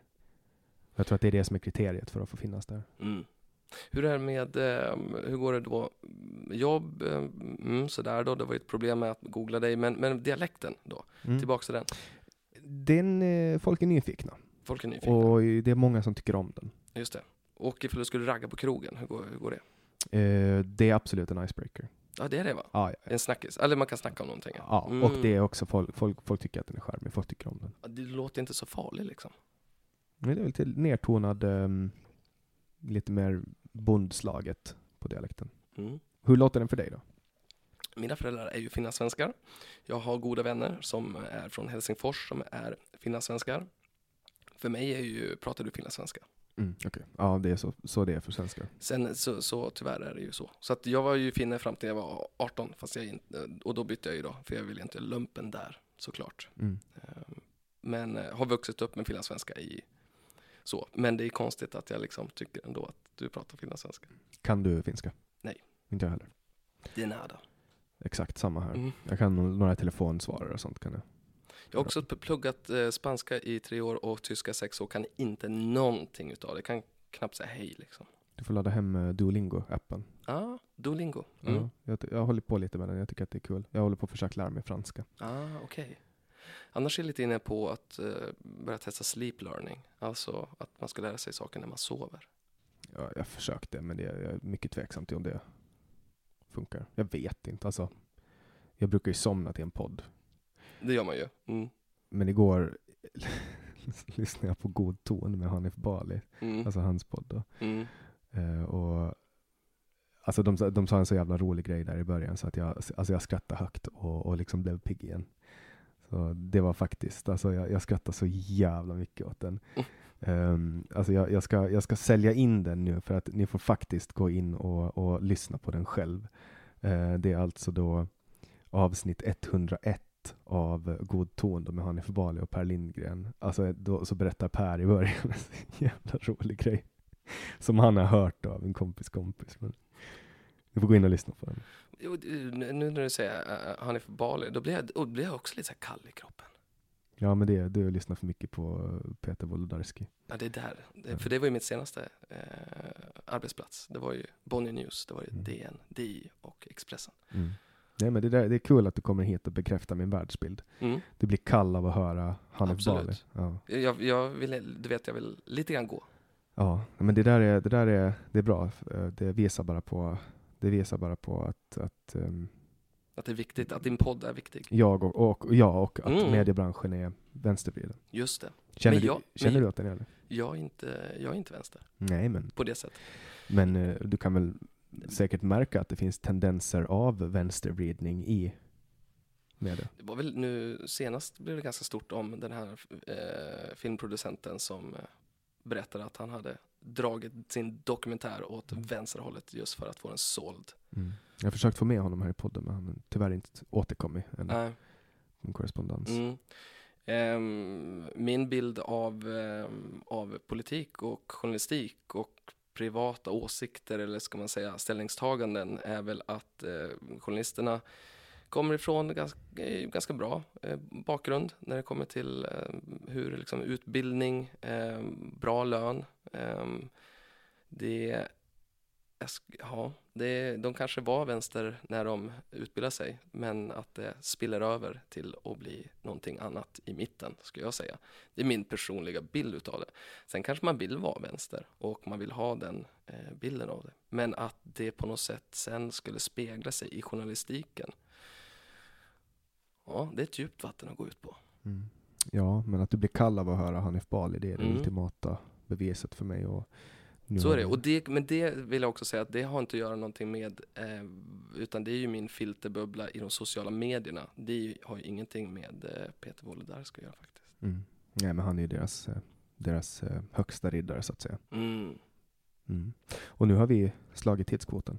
Är det sant? Mm. Jag tycker att det här gick mycket snabbare än, än eh, vad det brukar gå. Ja, vad skönt. Mm. Va- Varför? Har du någon snabb eh, konklusion? Jag tycker att det har varit trevligt. Alltså, vi, det här samtalet skulle ha låtit ungefär samma sak om vi skulle ha träffats på en, på en kaffe någonstans. Mm. Och om vi skulle ha suttit ner. Det skulle ha varit i princip samma sak. Mm. Eh, och jag tycker att det var intressant. Och det är refreshing också att få in ett sånt här perspektiv. För jag brukar vara ganska trött efter att ha spelat in de här poddarna. När jag har Mm. fått liksom, jag får gräva så mycket i minnet för att komma ihåg alla, alltså förstå alla referenser och sådana saker. Och det här har varit ganska, det, vi har varit inne mycket på mitt intresseområde. Just det. Det vill ja. säga jag. Att du har pratat så mycket om mig så. Ja, men jag tycker att det är intressant därför att eh, du har ändå gjort så pass många avsnitt. Eh, du, förmodligen så börjar de att känna dig nu, målgruppen. Mm. Eh, det är kul att vända vapnet Mm. ibland. Och sen, eh, sen får du köra eh, en online-inspelning med Anders då, 15 Just det. minuter. Ja, absolut. Så jag kopplar ihop er två så Mm. återkommer du i en av mina alster redan på fredag. Gud så trevligt. Mycket bra. Det ser jag fram emot. Tusen tack för att du kom hit. Tack för att du fick komma. Och till er som har lyssnat vill jag tacka er jättemycket för att ni återkommer vecka efter vecka och lyssnar och delar och tipsar och donerar, vilket ni kan göra på 070 3522 472. Ni kan också gå in på www.patreon.com samtal. Ni hittar länkar på min hemsida www.samtal.ax. Där hittar ni också telefonnumret till Swish. Jag släpper nya samtal alla onsdagar året runt. Jag heter Jannik Svensson och du har lyssnat på podcasten Samtal. Acast anbefaler. Mit navn er Anders Morgenthaler. Over for mig sidder... Roald Bergmann. Vi har lavet en ny podcast, der hedder Dopaminklubben. Og Dopaminklubben er en klub, hvor ADHD er fucking sjovt, og hvor det griner. Det behøver ikke at være super alvorligt. Vi er skide trætte af alle de der podcasts, der forklarer mig nederen der. Vi gør grin med vores ADHD. Mulig ADHD. Ja, vi udreder mig, fordi nogen siger, at jeg har det. Jeg ved det ikke rigtigt, det finder vi ud af. Vi har i hvert fald lavet et vedmål. Ind og lyt til Dopaminklubben. Hver uge udkommer vi. Der laver vi sjov og spas med at have den her vidunderlige dopaminmangel.